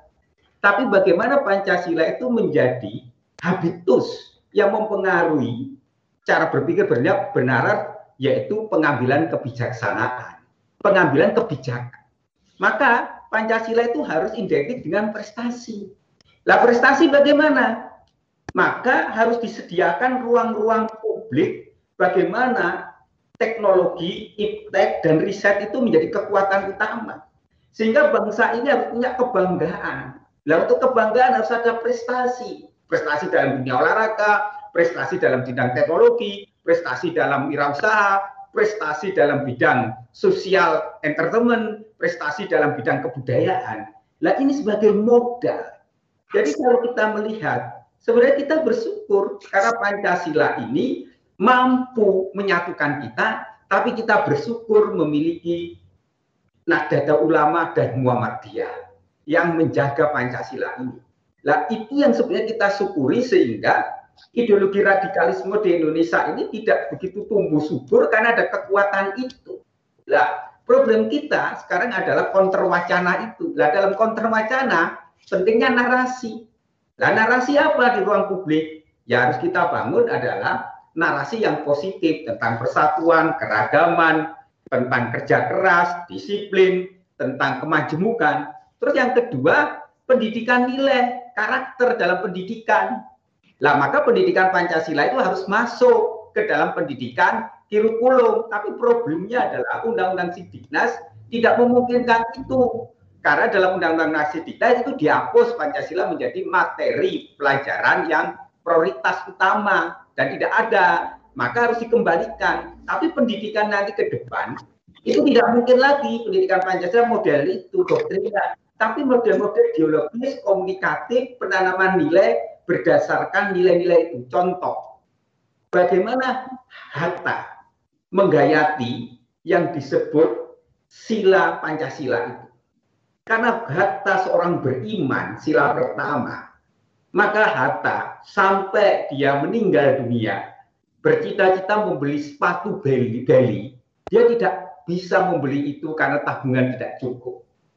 Kalau Hatta mau tidak taat kepada Tuhan yang Maha Kuasa dan dia tidak beriman, dengan mudah dia tinggal menelpon pasti semua pengusaha akan membantu dan akan membelikan sepatu Bali itu. Tapi karena jiwa jiwanya Muhammad Hatta itu jiwanya nasionalisme dan dia tidak mau menggadekan nilai-nilai kejujuran integritas, maka Hatta berpegang teguh kepada ketuhanan yang maha kuasa. Pengetahuan akan Tuhan itu menjadi penting. Maka Hatta taat dengan suara hatinya. Bukankah contoh-contoh seperti itu banyak terjadi pada zaman-zaman awal? Itulah pembatinan nilai Pancasila yang menjadi habitus bangsa itu.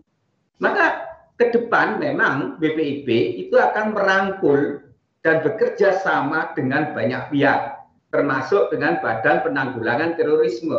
Bagaimana kita beberapa kegiatan menampilkan teman-teman yang sudah para terorisme itu yang sudah mengerti Pancasila. Dia mengatakan kepada anak-anak muda, jangan Anda terjebak seperti saya.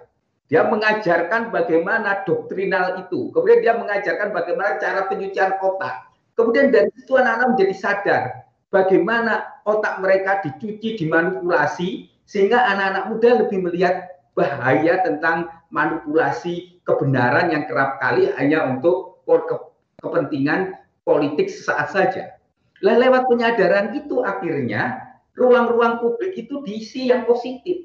Lah persoalan kita adalah pertarungan perebutan wacana. Lah dalam teori komunikasi ada yang disebut komodifikasi. Lah bagaimana pesan-pesan itu memiliki impact. Lah impact itu yang penting adalah bahwa pesan-pesan itu memiliki daya kekuatan. Daya kekuatan mempengaruhi perilaku orang. Jadi pesan-pesan perdamaian, cinta kasih, gotong royong, kebersamaan, persaudaraan, pesan-pesan bagaimana membangun persaudaraan sejati. Itu yang harus ditampilkan di ruang publik. Contoh misalnya Anda kalau pergi ke Indi, Anda ketemu namanya pondok pesantren Wali Songo. Di pandai pesantren itu yang mengajar adalah para prater, para romo-romo, pater-pater, serikat sabda Allah dan mereka gantian juga mengisi di seminari. Itulah Pancasila. Pancasila itu adalah bagaimana mewujudkan kebersamaan, persaudaraan tanpa membedakan suku dan agama. Kalau ruang publik ini diisi banyak tampilkan adalah bagaimana contoh-contoh keteladanan itu, itu tindakan Pancasila. Maka sebenarnya BPIP tinggal mengkapitalisasi semua kearifan-kearifan yang luar biasa itu menjadi contoh keteladanan. Contohnya edisi Kick ND kemarin, menanamkan nilai Pancasila dengan P coklat, dengan Jojo, dengan Stephen. Di situlah nilai Pancasila ditanamkan. Ditonton oleh jutaan orang tanpa orang didoktrin. Lah problem kita adalah menghadapi yang disebut saya katakan defisit akal sehat. Sehingga ada masalah kita di sini karena kita tidak membangun sebuah kultur budaya kritis dalam masyarakat. Sehingga hoax itu menjadi komodifikasi. Karena hoax menjadi komodifikasi kerap kali masyarakat mudah dipengaruhi. Lah maka sekarang pertarungan kita adalah pertarungan kontra narasi. Lah proses dialektika ini. Lah di sini hanya bisa diselesaikan dengan membangun yang disebut kultur budaya kehidupan. Nah, kultur budaya kehidupan itu apa? Mengedepankan akal sehat, mengedepankan ilmu pengetahuan, mengedepankan bagaimana nilai-nilai humanisme dan kemanusiaan, sehingga apa dikatakan Soekarno ketika berpidato di BBB, di Badan Serikat Badan Perserikatan Bangsa-Bangsa, bagaimana Pancasila menjadi ideologi tata dunia baru. Tata dunia baru yang mana? Yaitu berdasarkan kemanusiaan dan keadilan. Nah, kita berharap dengan rancangan Undang-Undang Ideologi Pancasila itu memperkuat bahwa ideologi Pancasila menjadi praksis kebijakan yaitu praksis pengambilan keputusan dan kebijakan dalam bidang ekonomi, politik, ilmu pengetahuan, bidang sosial, dan bidang pertahanan.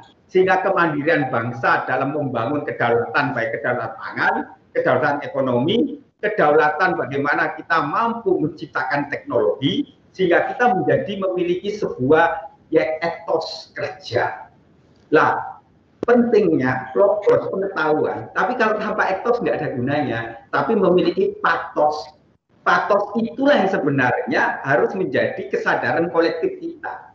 Bahwa bangsa ini sejak awal memang terdiri dari suku, etnis, budaya, dan... Mas Promo, mungkin setengah menit lagi, boleh? Maka saya akan mempersingkat ke depan kita harus mampu merebut ruang publik. Kedua, bagaimana kita mampu membuat yang disebut narasi yang positif terhadap bangsa ini dengan apa? Yaitu kembalikan riset dan ilmu pengetahuan menjadi pilihan dalam pengambilan kebijakan. Di situlah sila kelima keadilan sosial akan terwujud. Jadi ke depan Pancasila harus dibumikan, tapi dengan mewujudkan kemanusiaan dan keadilan. Di situlah orang menyintai Tuhannya. Siapa yang menyintai Tuhannya? Yaitu mereka yang memperjuangkan kemanusiaan dan keadilan itulah Pancasila menjadi habitus bangsa kita, yaitu gugus insting yang mempengaruhi cara berpikir, bertindak, bernasib, berrelasi, tiga kekuatan, yaitu pemerintah, pasar, dan warga. Kalau tiga ini memiliki sinergi, maka di situlah Pancasila menjadi aplikasi dalam pengambilan kebijakan publik. Baik. Sementara Pak Beni. Ya, oke. Okay. Ya. Saya lihat ada ada ada tautan yang sama di antara tiga pembicara terdahulu, tapi saya kira mungkin nanti dalam beberapa dialog eh, bisa direspon kembali. Pak Boy, saya tadi lihat secara sepintas dari Pak Romo Beni ada sinergi di antara lembaga, tapi Pak Beni juga memberi pesan mengenai eh, pentingnya usaha untuk tidak hanya mencegah tapi membangun penyadaran. Mungkin nanti Pak Boy bisa menitipkan eh, tambahan mengenai deradikalisasi yang juga harus jadi program BNPT. Eh, tapi inti dari tiga pembicara saya kira akan dikristalisasi oleh Pak Profesor John Piris mengenai pentingnya pendaratan dari nilai-nilai Pancasila khususnya bagi dunia akademisi.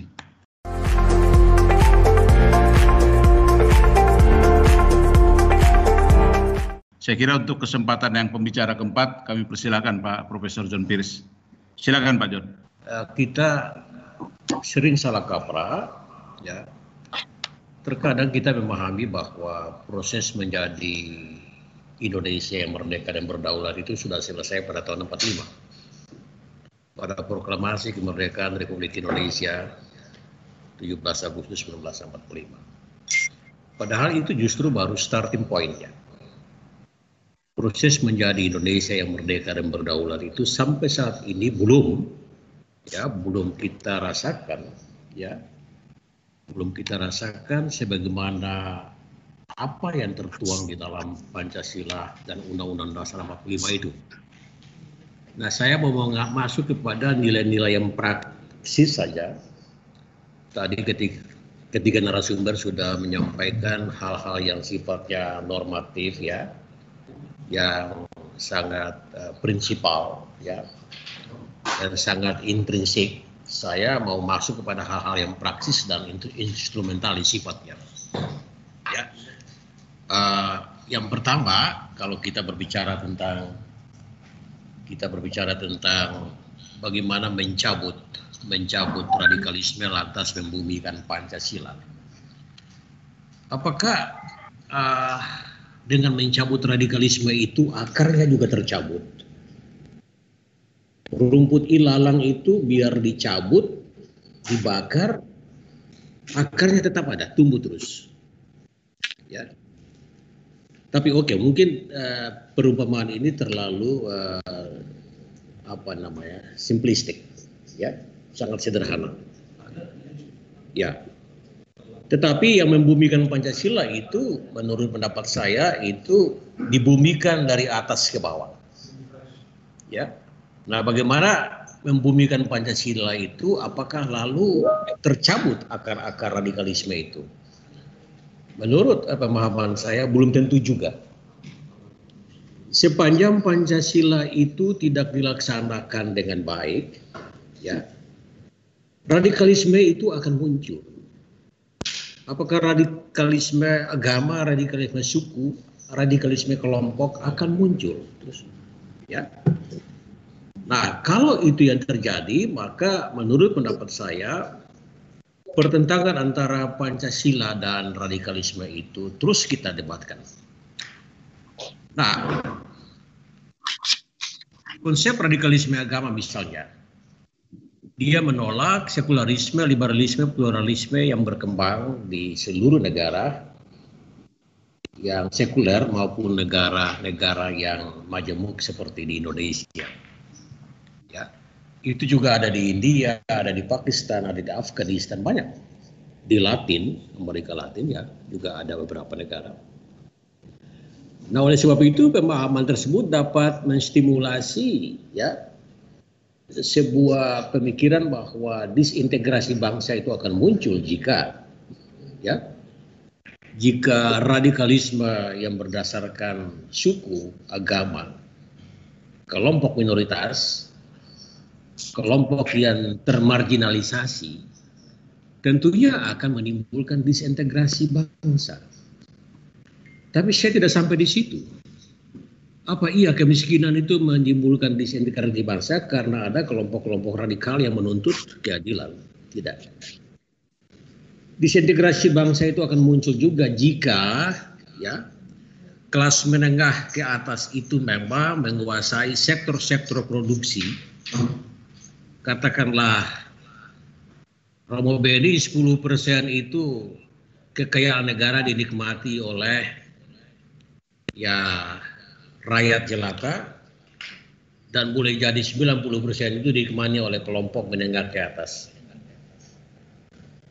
Radikalisme akan muncul soal itu untuk menggugat. Radikalisme sama dengan reformasi sebetulnya dalam dimensi tertentu. Ya. Kalau reformasi konstitusi itu adalah kontra hegemoni, radikalisme juga sebenarnya kontra hegemoni Hegemoni oleh siapa? Hegemoni oleh kelompok yang kuat. Kaum kapitalis misalnya. Seperti itu. Ya. Kemudian yang kedua, hal tersebut mendasari berkembangnya ekspansi dan eksistensi kaum radikal. Yang pertama itu dia men mencoba untuk uh, berkembang secara secara ekspansif dan eksistensi kaum radikal itu semakin muncul tidak lagi malu-malu, tidak lagi sembunyi-sembunyi, tapi sudah sudah manifest, tidak lagi sembunyi-sembunyi, laten, tapi sudah manifest. Ya.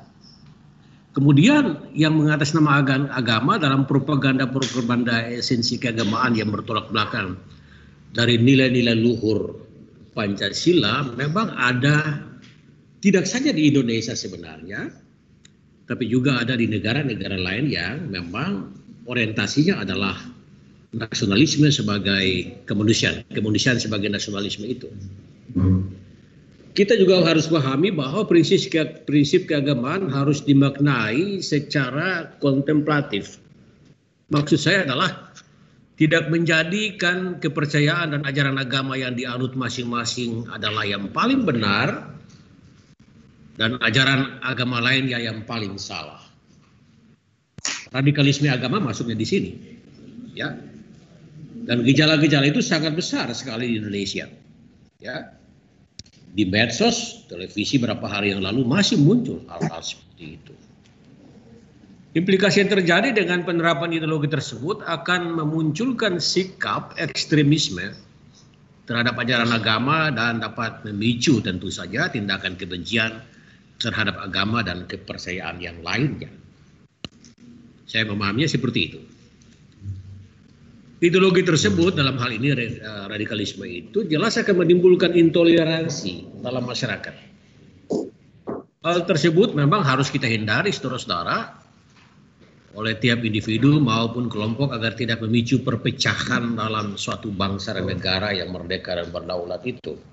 Seperti di Indonesia, negara kesatuan Republik Indonesia misalnya. Ya.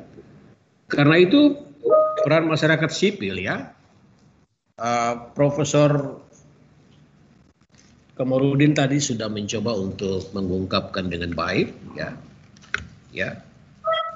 Uh, masyarakat sipil Indonesia bersama dengan lembaga-lembaga yang diberi mandat oleh pemerintah. BPIP antara lain ya kelompok agar tidak memicu perpecahan dalam suatu bangsa dan negara itu. Secara sistematis memang. Karena itu peranan masyarakat sipil Indonesia perlu perlu kita revitalisasikan, modifikasikan untuk menghadang berkembangnya radikalisme ya. Yang bersinergi dengan kelompok-kelompok uh, lain di luar negeri ya dan kita mencoba untuk melihat akar-akar persoalan yang sangat relevan untuk itu. Banyak orang lalu meng menggugat begini, ya akar terorisme radikalisme itu kan kemiskinan. Saya saya kira saya juga akan sedikit membantah anggapan itu.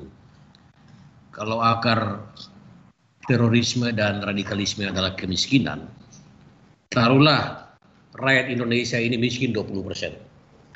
Berarti 20 persen itu semua radikal dan teroris. Tidak seperti itu juga. Nah, logika-logika linear seperti ini harus kita mencoba untuk me menepis paling tidak seperti itu. Ya. Tapi betul bahwa kemiskinan itu dirasuki dengan doktrin-doktrin radikal dengan menggunakan ideologi-ideologi yang anti Pancasila, maka muncullah terorisme dan apa namanya radikalisme dan fundamentalisme itu.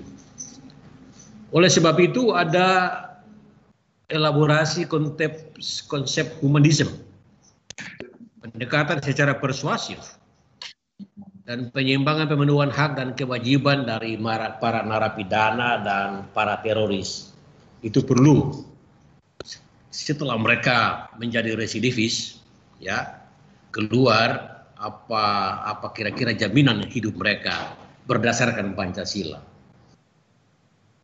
Para teroris residivis kalau diampuni dibebaskan. Lalu dalam konteks Pancasila dikaitkan dengan pasal 34 Undang-Undang Dasar 45 ya. Fakir miskin dan seterusnya itu ya. Karena mereka menjadi miskin lalu menjadi radikal dipelihara oleh negara kita lihat di mana-mana dengan kacamata Pancasila, Romo Beni, saya mohon maaf, ya di jalan-jalan itu banyak banyak sekali banyak sekali kaum papa ya. Pengemis pengemis musiman ya. Kita lihat ya. Itu itu harus kita benahi sebetulnya. Konteks dipelihara oleh negara apakah dipelihara untuk supaya dia muncul dengan subur ya, dan menjadi isu-isu politik bagi partai-partai politik tertentu saya menolak anggapan seperti itu saudara-saudara lantas uh, deradikalisme itu salah satu komitmen kita untuk melakukan itu. Uh, Bung Boy ya Bung Boy ya. Uh, deradikalisme bisa kita diskusi soal itu deradikalisme berarti deideologisasi terhadap paham radikal. Tentu saja. Yang terutama memakai agama sebagai alat untuk mencapai kebenaran secara ekstrim. Dan untuk memutus metaforsis ya. Jaringan teroris sampai pada akarnya. Disarrangement maksud saya Kemudian deradikalisme itu juga deradikalisasi itu mengurai faham radikal pada prinsipnya dapat dilakukan melalui pendekatan interdisipliner ya hukum sosiologi ya agama, sosial budaya, dan ekonomi tentu saja. Bagi siapa pun yang terdeteksi menganut paham radikal itu, uh, dalam pengertian bahwa khusus bagi setiap orang atau kelompok yang terjaring dalam jaringan teroris transnasional dengan jargon membawa agama sebagai alat untuk mendiskreditkan ajaran agama yang lain ya adalah fokus perhatian kita untuk itu. Lantas apa sih program deradikalisasi itu? Itu dimaksud sebagai upaya untuk merubah pemahaman dan perilaku yang radikal. Oh, tentu berkesesuaian dengan orang. Ya. Tentang dengan orang-orang yang ter kap radikal itu terus di kelas klaster-klaster itu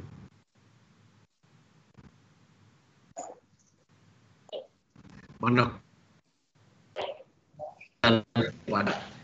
deideologisasi terhadap paham itu terhadap paham yang radikal itu itu berarti bahwa program deradikalisasi harus dikembangkan mencakup pendeteksian dan peringatan dini terhadap pengaruh atau ideologi yang dianggap dapat menciptakan ancaman terhadap ideologi nasional Pancasila dalam kehidupan bermasyarakat. Kemudian strategi yang apa yang harus kita pilih, yang kita tentukan. Pertama, kejahatan terorisme bukanlah kejahatan biasa tentu saja yang tidak cukup diselesaikan dengan membuat undang-undang. Ya, membentuk pasukan khusus anti teror, menangkap pelaku dan terakhir memberi hukuman mati kepada mereka.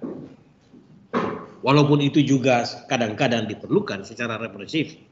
Tapi jauh dari itu adalah terorisme tersebut merupakan bentuk kejahatan yang lahir atas dasar paham yang radikal namanya.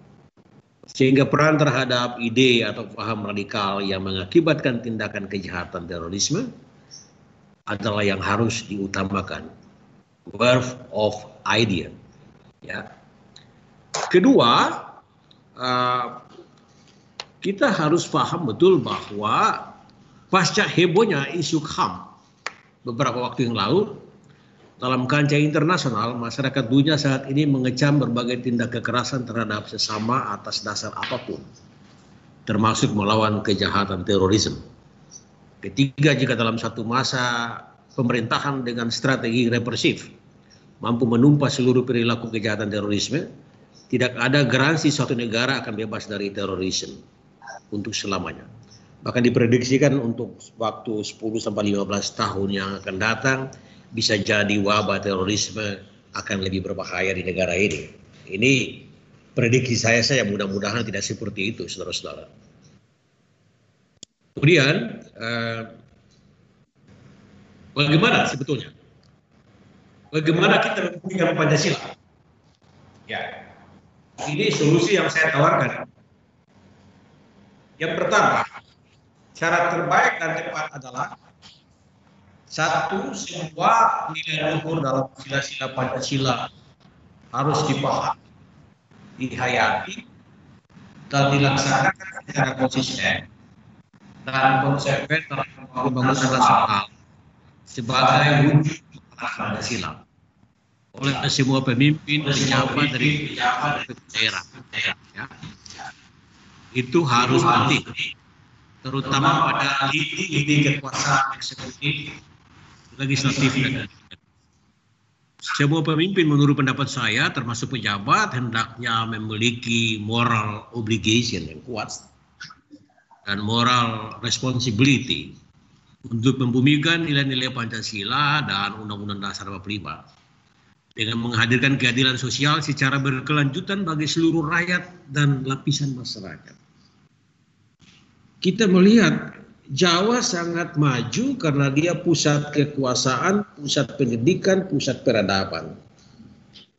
Saya orang Indonesia Timur, saya mengatakan bahwa kalau jalan berlapis-lapis sampai lima itu, di kabupaten-kabupaten tertentu saya jalan tidak ada. Ini tidak Pancasila, mohon maaf. Yang merancang pembangunan itu dan melaksanakan pembangunan itu yang memegang anggaran itu justru tidak Pancasilais. Jadi jangan menuduh teroris tidak Pancasilais, tapi tindakan-tindakan ya pelaku-pelaku pembangunan itu justru tidak Pancasilais. Ketidakadilan struktural menganggap begitu begitu lebar itu. Kita harus jujur mengatakan itu. Kalau enggak, untuk apa kita berwebinaran sebenarnya? Ya, gitu. Dua, pemerataan pembangunan hasil-hasilnya harus diwujudkan secara adil dan merata di seluruh daerah. Di semua pulau-pulau besar, sedang, dan kecil. Sampai ke pelosok-pelosok desa yang terpencil. Dan dapat dirasakan manfaatnya oleh seluruh rakyat dan semua komunitas masyarakat tanpa diskriminasi. Jadi tidak ada lagi yang tercecer dan terperosok dalam ketidakadilan struktural itu. Itu yang saya maksudkan tadi bahwa proses menjadi Indonesia belum selesai. Kalau ada di sebagian wilayah itu masih miskin papa dan sebagian lain itu wah bergegap gempita dengan modal-modal besar investasi masuk lalu hidup dalam berkecukupan. Ya, itu. Yang ketiga, keteladanan para pemimpin pejabat pemerintah dan sektor publik harus ditunjukkan dalam bidang sosial. Ya. Ditunjukkan dalam bidang sosial saudara-saudara supaya memang uh, ya seperti dikatakan oleh filsuf uh, pendidikan kita Ki Hajar Dewantara itu Ingar Sesuntulodo misalnya. Saya mengalami petujuh pusat Kepresnya itu Kepres Soeharto tahun 92 sampai 95 lah kira-kira begitu. Jadi saya melihat bahwa memang keteladanan ini salah satu indikator uh, penting untuk kita mengamalkan Pancasila itu. Ya. Harus dalam bidang sosial, budaya, ekonomi dan politik. Dalam bidang politik misalnya, kita mencatat ada politik dinasti, politik uang, politik aliran, politik kelompok. Ini apakah sesuai dengan Pancasila? Kalau kita yang Pancasilis, Silais harus berteriak bahwa ini tidak sesuai dengan Pancasila. Politik dinasti disuburkan untuk kelompok-kelompok tertentu. Konspirasi antara politisi dan pemodal yang menguasai negara sekarang ini. Itu tidak Pancasilais. Menurut pendapat saya. Kontrol politik juga tidak jalan. Ya, gitu. Waktunya, Bung John. Pak John. Ya. Karena itu Pancasila sebagai ideologi dasar negara jiwa kebebasan harus lebih awal ditanamkan dalam proses pendidikan yang bermartabat, berwatak, dan berakhlak. Pancasila harus dibumikan dalam proses pendidikan pada semua level untuk semua anak didik bangsa. Ya, baik formal, informal maupun non formal. Harus ada upaya nyata dan bertanggung jawab yang dilakukan oleh pemerintah dan jajarannya untuk memantau pergerakan kelompok-kelompok radikal yang mengganggu ketertiban masyarakat dan stabilitas sosial dan politik dengan menggunakan paham yang memang radikal yang tidak sesuai dengan Pancasila dan Undang-Undang Dasar 45, nilai-nilai agama yang hakiki, nilai-nilai kemanusiaan secara universal dan nilai-nilai luhur yang terkandung dalam Pancasila itu. Kemudian yang keenam sudah saatnya untuk kita tidak lagi secara demonstratif dan penuh prasangka menuduh kelompok-kelompok tertentu tidak Pancasilais dan memus memusuhinya sambil secara sengaja mendiskreditkan mereka. Cara yang paling tepat menurut pendapat saya adalah semua pemimpin bangsa dan negara dari pusat sampai ke daerah harus meresapi dan mewujud nyatakan nilai-nilai Pancasila itu dengan benar. Kita harus berani dan jujur mengoreksi kehilafan-kehilafan kita yang selama ini menyatakan bahwa kitalah yang paling Pancasilais.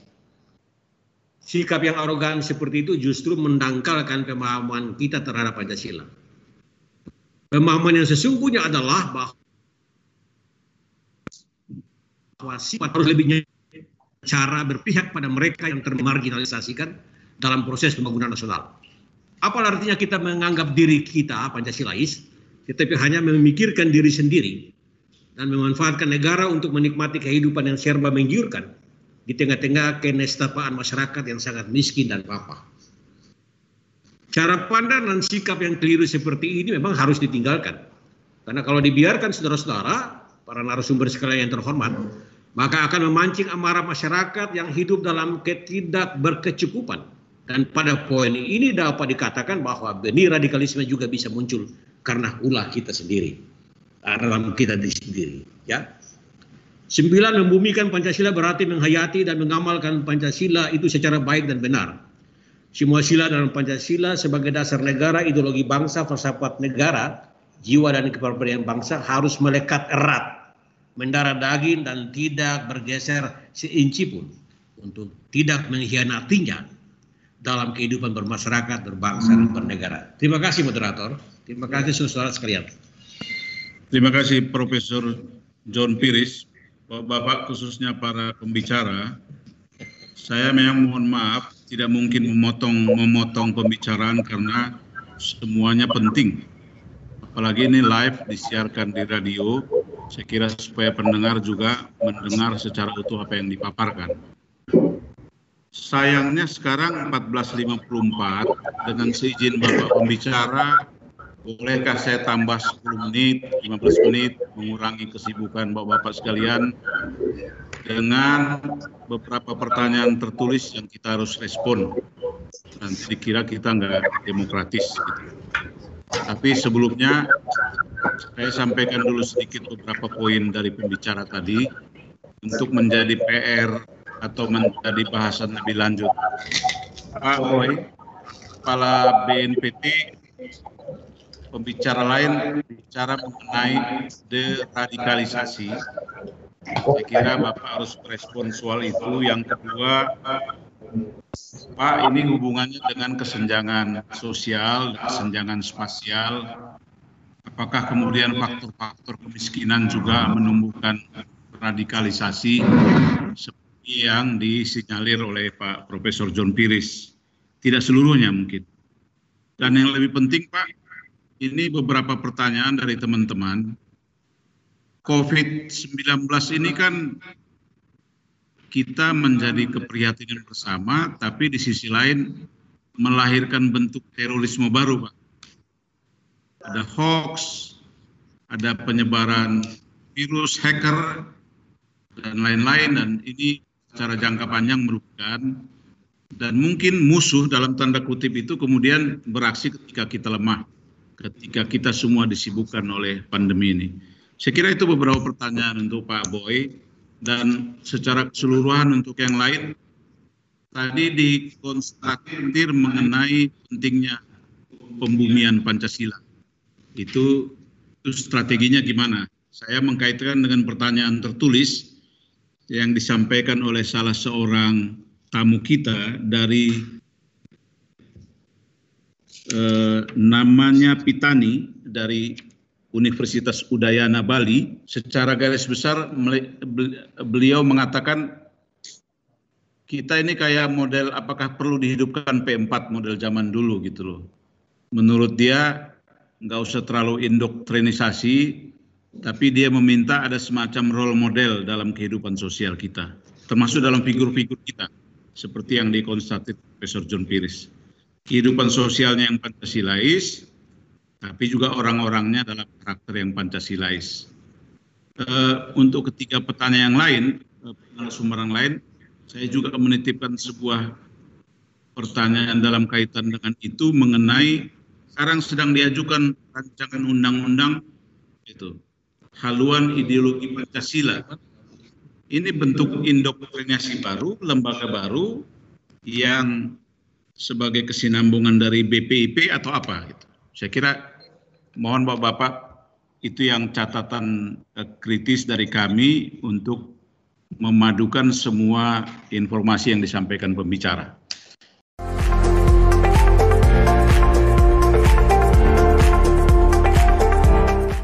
Nah, sebelum sampai kepada respon Bapak-Bapak, eh, teman di sini memberi sinyal ingin bertanya, tapi saya kira karena nggak bisa banyak orang, mungkin satu kesempatan untuk Pak Tomu Pasaribu. Pak Tomu hadir ya? Hadir bisa di-unmute. Ada? Ada, siap. Pak Tomu? Ya, saya. Kalau tidak ada nanti sambil menunggu satu orang saja penanya karena waktunya. Pak Tomu ada? Ada. Saya, Pak. Marim. Suaranya nggak kedengaran? Pak Marim, sebentar. Ada ya? Ada, ada Pak Marim. Oke, Pak Tomu bisa sampaikan pertanyaan? Boleh, satu boleh. menit. Boleh, nggak nyampe satu menit, Pak. Ya, satu menit. Kasih pertanyaan. Eh, kepada Pak Boy, eh, Romo Beni, Pak Hidayat, pertanyaan saya eh, sangat singkat. Pancasila sudah kita sepakati sebagai dasar negara dan ideologi Pancasila. Pertanyaan saya, yang tidak menjalankan, menghayati dan mengamalkan Pancasila masyarakat Indonesia atau instrumen negara atau partai politik atau tokoh-tokoh nasional atau Pancasila hanya digunakan sebagai alat untuk kepentingan politik belaka. Begitu saja Pak, karena ka- kalau kita perhatikan bahwasanya Pancasila itu di kehidupan berbangsa dan bernegara sudah berjalan. Terima kasih. Ya, terima kasih Pak Tomu. Sudah berhasil menanya satu menit dan isinya padat. Saya kira sekarang 14.59 mungkin tambahan 10 menit untuk semua pembicara secara singkat. Mungkin Pak Boy dulu Pak.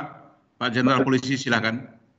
Baik, terima kasih Bapak Maring Purba atas waktu yang diberikan. Beberapa hal tadi yang sudah dikumpulkan, pertanyaan-pertanyaannya sudah coba kami siapkan jawabannya. Pertama berkaitan dengan deradikalisasi. Ini adalah salah satu amanah dalam undang-undang dalam Undang-Undang Nomor 5 Tahun 2018 tentang penanggulangan terorisme, di mana deradikalisasi ini dilaksanakan ketika mulai dari proses pendidikan, penuntutan, selama masa dalam menjalani hukuman dan pasca menjadi warga binaan. Jadi semuanya dilaksanakan secara simultan dengan porsi kegiatan yang berbeda-beda. Tetapi yang harus kita sadari deradikalisasi ini adalah merubah mindset yang pertama. Merubah mindset mereka yang tadinya berpikir intoleran, berpikir senantiasa senang menyalahkan orang lain yang berlainan iman dengan mereka, dan kemudian juga melakukan ide-ide atau tindakan-tindakan kekerasan mengakibatkan kerugian pada pihak lainnya. Jadi memoderasi pemikiran-pemikiran ini kami lakukan terutama pada masa mereka menjadi warga binaan. Umumnya itu lebih dominan. Jadi berbagai narasumber dengan perspektif keilmuan kita undang untuk hadir di lapas kita dan di dalam kompleks BNPT terdapat sebuah lapas yang memang khusus menjalankan program deradikalisasi. Kedua, yang tadi saya pernah sampaikan masalah keterampilan-keterampilan ketika mereka keluar nanti bisa dimanfaatkan oleh yang bersangkutan untuk kegiatan mencari nafkah dan kegiatan-kegiatan lainnya adalah pasca menjalani kegiatan di lapas. Artinya mereka telah bebas kembali ke masyarakat. Beberapa kegiatan yang kita lakukan adalah antara lain tidak memberikan ikan tetapi kita memberikan kail pancing kepada mereka agar mereka menjadi warga negara yang produktif aktif di bidang UKM kemudian ada juga yang dalam waktu dekat kita akan berikan fasilitas di bidang pertanian. Demikian juga usaha-usaha lain yang mereka rintis yang mana bisa kita dukung, kita dukung. Dalam hal ini kami bekerja sama dengan kementerian dan lembaga yang ada di negara kita dengan memberikan support kepada yang bersangkutan sehingga aktivitas yang bersangkutan dalam mencari nafkah ini bisa Karena pada umumnya persoalannya mereka memang setelah menjadi napiter dan kembali itu masalah lapangan pekerjaan. Jadi kita mencari solusi bagaimana mereka dapat lapangan pekerjaan di tengah-tengah masyarakat. Banyak sekali di antara mereka ada yang uh, mengelola kooperasi dan sebagainya. Jadi kita memikirkan sampai kepada hal demikian sehingga mereka tidak menjadi pengangguran dan mereka bisa melakukan aktivitas di bidang perekonomian untuk mensejahterakan keluarga mereka mereka yang yang masuk dalam program itu tentu uh, dilakukan langkah-langkah monitoring berkelanjutan dan tentunya kita akan pantau apakah ada aktivitas-aktivitas lain yang mengarah kepada tindakan-tindakan yang mereka lakukan di masa lalu atau tidak. Itulah ada proses monitoring yang dijalankan. Jadi proses deradikalisasi ini eh, akan terus kita lakukan, terutama kepada mereka yang menjadi tersangka, menjadi terdakwa, menjadi narapidana, dan kemudian pasca dari penjalanan hukuman juga akan kita ikuti dengan program-program yang sesuai, yang cocok dengan mereka.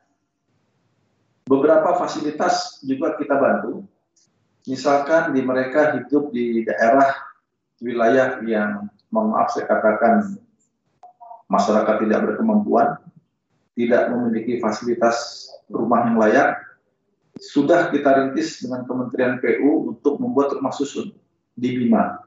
Jadi ini akan diresmikan rumah susun ini dalam waktu dekat. Fisiknya sudah jadi. Jadi kita menunggu masa pandemi COVID ini selesai, kita akan resmikan dan itu lingkungannya adalah kelompok-kelompok mereka yang selama ini garis keras, radikal dan kemudian mereka artinya bersikap tidak kooperatif dengan pemerintah maupun pemerintah daerah setempat. Namun demikian hasil identifikasi kita perlu ada bantuan kami hadir ke sana bukan kaitan masalah untuk mengatasi terorisme, tapi kita ingin menghadirkan negara kepada mereka. Jadi negara hadir membantu kesulitan mereka dan program itu ternyata dimungkinkan oleh Kementerian PU untuk membantu mereka. Kita lokasinya di mana Pak ya, Pak Boy? Eh, di Kota Bima. Di kota? kota di Kota Bima. lagi. Nah, Bima Nusa Tenggara Barat kalau nanti ada bapak ibu asli uh, berasal dari Bima Nusa Tenggara oh, Bima, Barat. Bima. Bima, ya. Oh ya, Nusa Tenggara Barat ya. Ya benar. Kalau nanti ada waktu ingin uh, ikut dalam persidangan itu kami jadwalkan kurang lebih sekitar bulan uh, Agustus. Itu tadi yang berkaitan masalah program deradikalisasi. Kemudian berkaitan dengan masalah hoax di masa COVID ini masih ada saja. Jadi misuse of cyberspace, penyalahgunaan dunia maya ini tidak pernah berhenti terjadi. Kebetulan minggu lalu saya bertemu dengan Bapak Menteri Kominfo, Bapak Joni Plate, dan kita sepakat untuk membuat des penyalahgunaan dunia maya. Jadi des ini di antara seluruh aparat penegak hukum maupun kepentingan di negara ini berkumpul bersama untuk melihat secara periodically mana konten-konten website yang bernuansa radikal. Ini akan dilakukan langkah-langkah tindakan berikutnya hasil dari pembahasan bersama. Jadi ini saya mengusulkan kepada Kementerian Kominfo dan beliau setuju kita membuat sebuah desk uh, penyalahgunaan dunia maya oleh warganet yang hari ini kita tahu bahwa warga kita sudah uh, lebih dari 100 juta pengguna akun media sosial, di mana tentu ini juga bagian dari upaya literasi kita di dunia maya yang memang harus dilakukan secara terus-menerus. Karena dunia maya ini tentu adalah suatu dunia yang baru. Berbeda dunia nyata yang sudah peradabannya ratusan tahun, ribuan tahun, tetapi di dunia maya ini masih baru. Jadi perlu tatanan nilai-nilai baru yang harus dimaksimalkan. Dan salah satunya memang adalah tentu dengan melakukan literasi, edukasi, pengawasan, dan di samping penegakan hukum yang memang sudah dilakukan. Jadi peradaban di dunia maya di dunia di Indonesia ini termasuk di dunia tentunya masih perlu terus kita kawal dan tentunya pemerintah bersama dengan civil society dengan warganet untuk kita sama-sama bahwa dunia maya penggunaan media sosial harus dilandaskan kepada suatu etikat yang baik, harus dilandaskan kepada suatu niat untuk kebaikan. Tetapi namanya penjahat selalu mencari peluang di dunia ini tentunya orang-orang yang berpikir lain, berpikir dalam artian sebagai sebuah kejahatan itu tentu sulit untuk kita katakan kita jamin tidak akan pernah terjadi lagi karena itu adalah sebuah pilihan. Tetapi bagaimana kita semuanya yang memiliki akal sehat bisa meyakinkan kepada semua masyarakat bahwa penggunaan dunia maya adalah untuk kepentingan kebaikan, bukan untuk dalam rangka melakukan tindak-tindakan yang tidak sejalan dengan nilai-nilai moral kita, nilai-nilai agama, nilai-nilai hukum, sehingga penggunaan media sosial benar-benar untuk kemanfaatan masyarakat kita. Kemudaratannya kita buang jauh-jauh. Itu adalah upaya yang tidak pernah berhenti yang harus kita lakukan karena sekali lagi kultur pada dunia maya masih baru. Jadi kita perlu semangat mengawal bersama. Kemudian dalam tadi ada juga kaitan masalah P4. Memang Bapak semuanya yang di masa lalu pernah merasakan itu termasuk saya sendiri pernah mengikuti pola 45 jam, pola 100 jam itu di masa lalu. Tentu kita juga rindu ada pertemuan-pertemuan yang seperti itu. Mungkin format lainnya adalah bisa kita wujudkan. Nah ini juga di sini tentu ada ada ada Romo Beni yang tentunya nanti bisa sama-sama kita diskusikan bagaimana dialog setara di antara warga masyarakat tentang Pancasila ini bisa hidup dengan melibatkan segala lapisan masyarakat. Dialog setara ini dialog interaktif ya satu sama lainnya tidak bersifat satu arah tetapi mereka mengkaitkan dengan konteks kekinian jadi rejuvenile nilai-nilai Pancasila dikaitkan dengan kondisi kekinian. Jadi ini perlu harus terus dibuka ruang ini dipelopori oleh kita semuanya dan tentunya menyadarkan kepada semua masyarakat bahwa ini adalah nilai-nilai hidup yang ada dalam kehidupan kita yang harus diangkat pada permukaan untuk dijadikan sebagai sebuah nilai-nilai yang kita pahami, kita hayati dan kita implementasikan. Jadi pendekatannya mungkin bisa saja menjadi berbeda ketika kita ikut penataran keempat masa lalu, tetapi kita hari ini era demokratisasi, era keterbukaan, era hak-hak orang berekspresi lebih luas di tengah-tengah masyarakat kita, maka ekspresi itu bisa kita manfaatkan. Kebebasan itu kita bisa manfaatkan dengan memberikan rambu-rambu lalu lintas.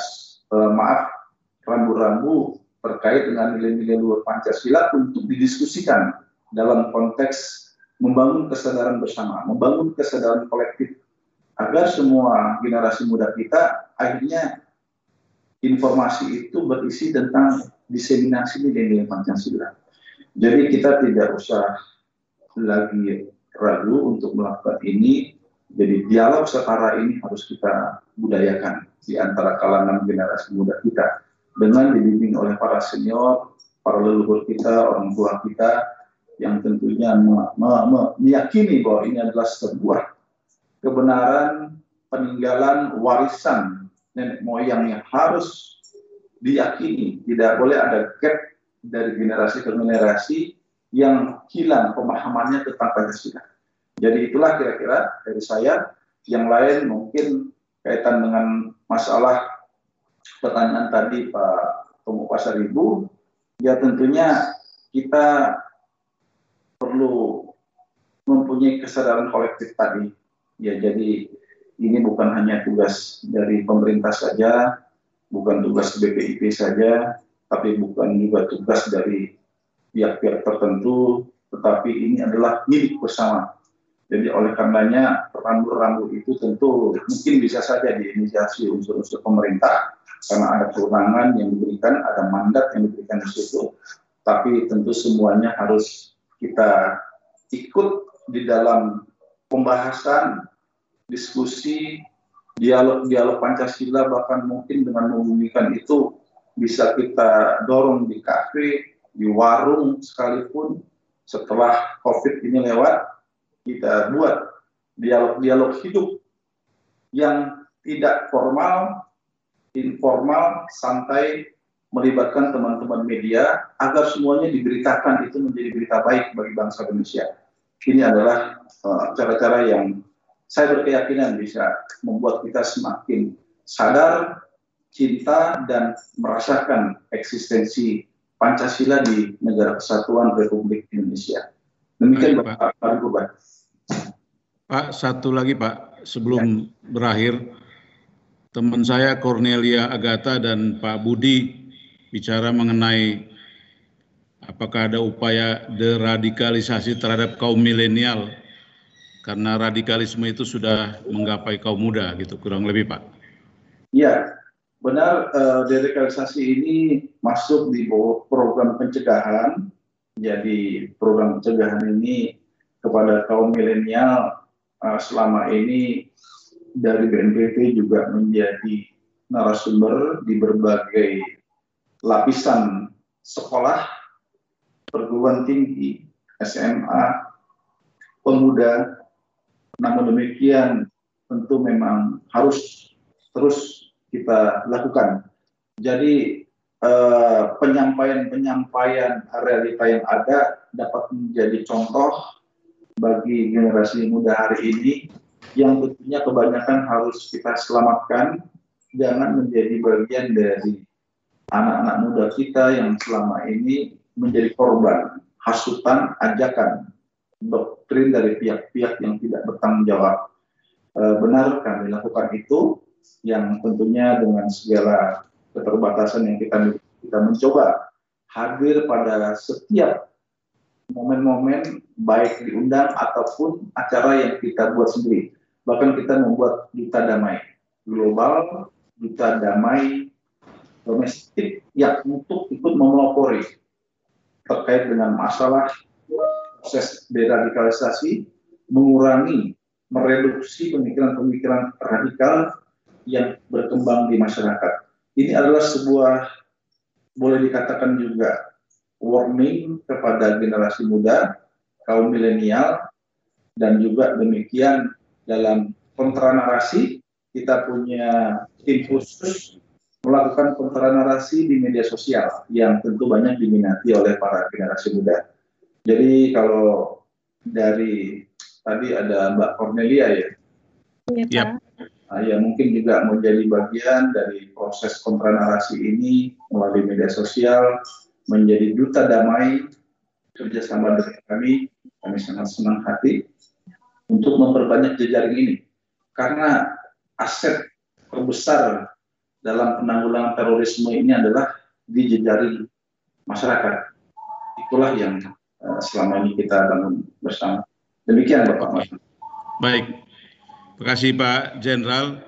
Saya beritahukan kepada kita semua bahwa dengan permohonan maaf Pak Profesor Dr. Komarudin undur diri duluan karena ada kegiatan lain.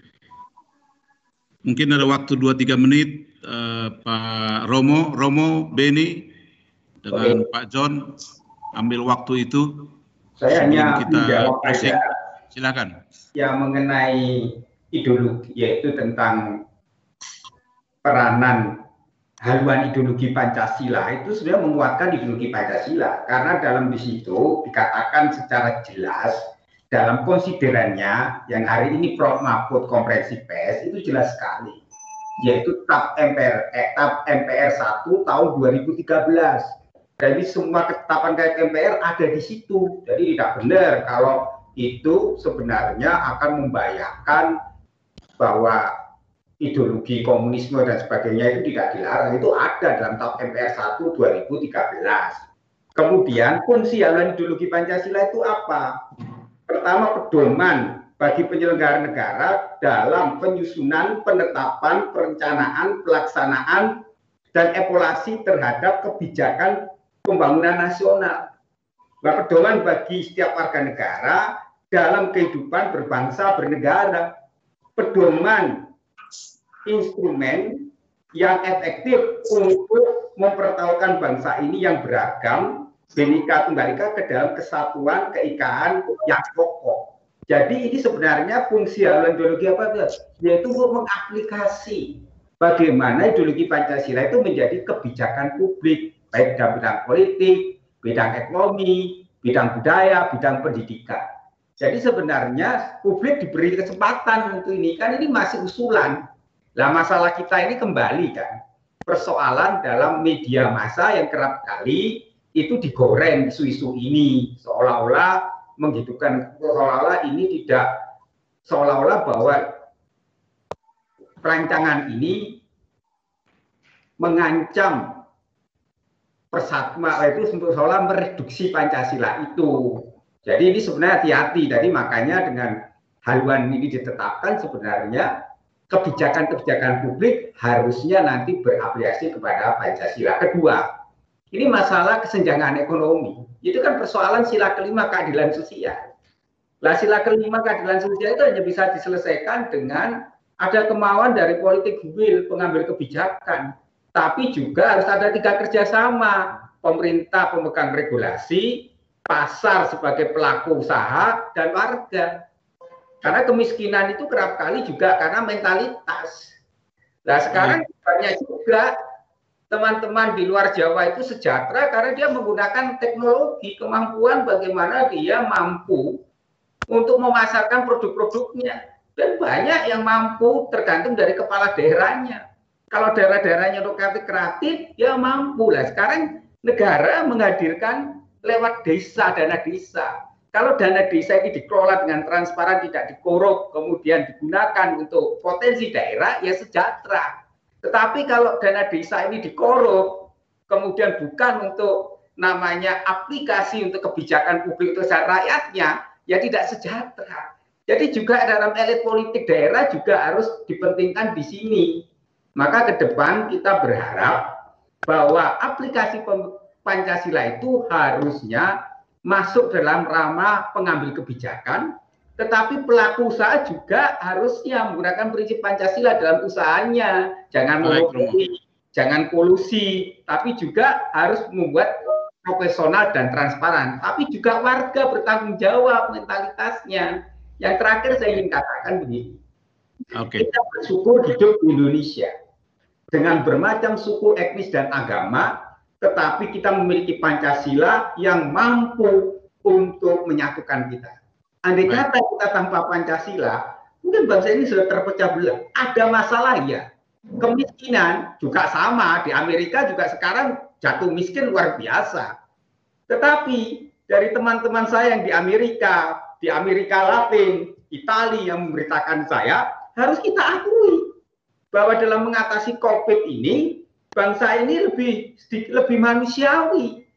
Amerika lebih parah orang-orang miskin disingkirkan itu fakta jadi kita juga harus melihat fakta lah persoalan daerah memang ada kesenjangan tetapi kalau kita melihat kebijakan Pak Jokowi dengan pembangunan infrastruktur luar Jawa, Kalimantan, Sumatera, Papua, teman-teman Kalimantan merasakan itu. Teman-teman saya yang bekerja di situ mengatakan jalan transportasi lebih baik dan itu lebih memudahkan. Ada ya. fakta yang seperti itu, itu juga jangan ditutupi. Jadi ada persoalan kesenjangan ekonomi, ya. Tapi masalah itu harus kita atasi dengan apa? Bagaimana Pancasila menjadi aplikasi kebijakan dalam pengambilan keputusan-keputusan publik. Maka Pancasila harus menjadi habitus bangsa, yaitu gugus insting cara berpikir, bertindak, benar, berdasi anak bangsa. Terakhir, bagaimana ke depannya membumikan Pancasila?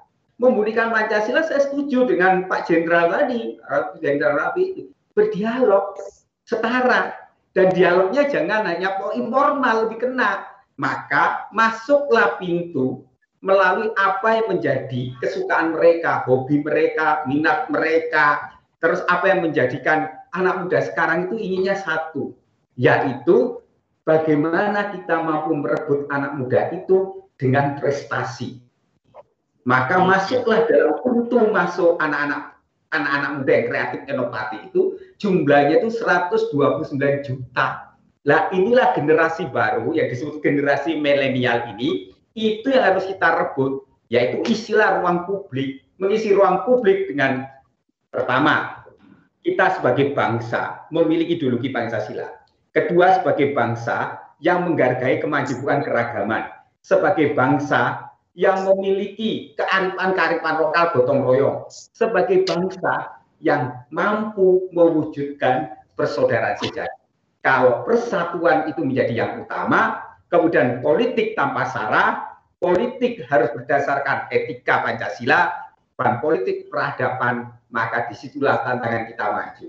Saya melihat ke depan, kita mampu kok, karena anak-anak milenial zaman sekarang juga tidak mampu dipengaruhi oleh buah itu. Buktinya pilpres kemarin.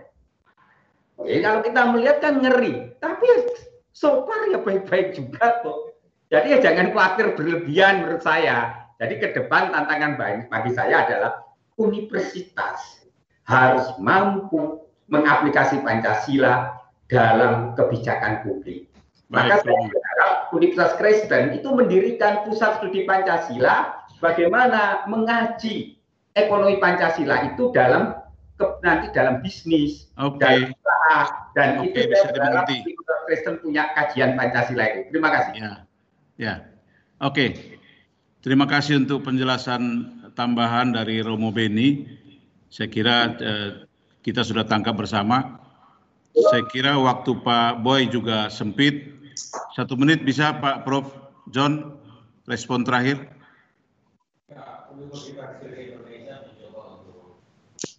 Menggunakan Pancasila itu sebagai ya kalau banyak orang mengatakan bintang penjuru, batu penjuru, macam-macam itu.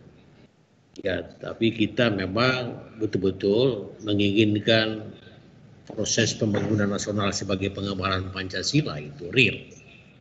Dalam merencanakan Pancasila itu nilai-nilai Pancasila sudah harus digulirkan. Ya begitu. Dalam pelaksanaan juga apalagi. Ya tahu? Nah, kalau itu tidak dilakukan susah ya ketidakadilan spasial itu mengangkat di mana-mana itu Bapak. Kita di UKI itu sudah mengintrodusir ya sudah memutuskan ada filsafat hukum Pancasila.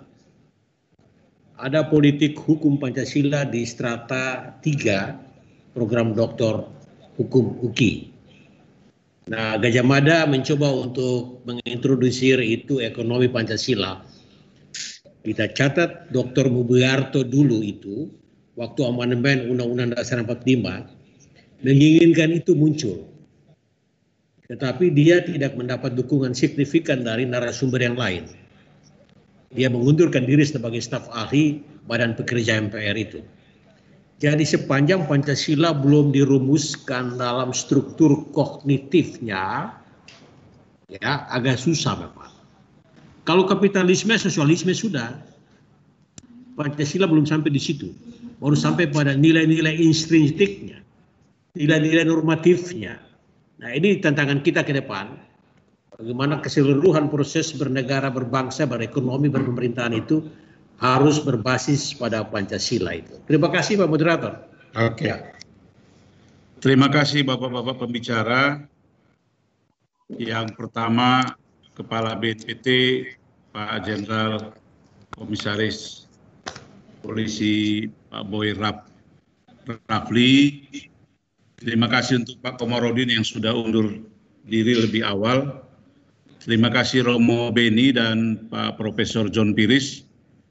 Uh, uraiannya sudah padat, saya tidak usah simpulkan lagi. Tapi yang pasti banyak agenda kita ke depan. Tentu mewakili UKI, ada harapan bahwa UKI masih bisa bersinergi dengan BNPT Pak Boy. Ya, UKI juga bersinergi dengan BPIP dan semua akademisi yang lain khususnya dalam membumikan Pancasila sesuai dengan judul kita. Saya kira itu harapan kita bersama. Eh, terima kasih untuk yang merilai acara ini dalam siaran langsung. Beberapa dokumennya kami email kepada mereka yang membutuhkan dan percakapan kita juga direkam untuk bahan-bahan akademik. Ada satu jenderal yang bicara, ada dua profesor, satu pastor. Saya kira ini setara dengan 6 atau 8 SKS dalam perkuliahan kita. Terima kasih untuk semua pembicara, khusus ke Pak Boy. Kita berdoa untuk tugas-tugas Pak Boy Rafli. Ini Pak, mohon maaf Pak. Saya baca koran tadi pagi ada delapan orang yang sebenarnya dari segi pangkatan layak untuk jadi Kapolri. Ya, saya sendiri berdoa supaya Pak Boy Rafli bisa jadi Kapolri yang akan datang. Gak salah tuh Pak? Doanya ya. Amin amin. Ya, Juli akan ada pergantian Kapolri dan saya kira mungkin polisi kita akan lebih baik lagi di masa-masa yang akan datang. Terima kasih Bapak Pembicara, terima kasih semuanya. Saya akan menutup acara ini ya, karena kita buka dengan doa saya akan doa. Mari kita berdoa. Tuhan yang Maha Baik, terima kasih untuk yang sudah berlangsung kiranya semua harapan kami boleh terwujud hanya dengan Tuhan semata. Terima kasih dalam nama Yesus Kristus kami berdoa. Amin. Terima kasih. Anda telah mendengarkan program persembahan Universitas Kristen Indonesia.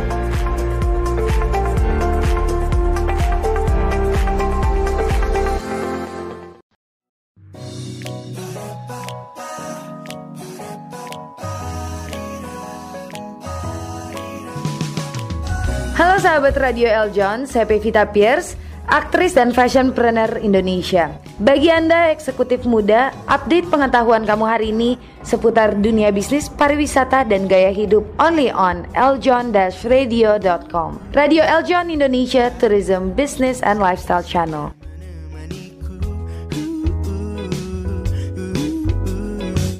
Eljon Radio Tourism Tourism Business Business Investment Investment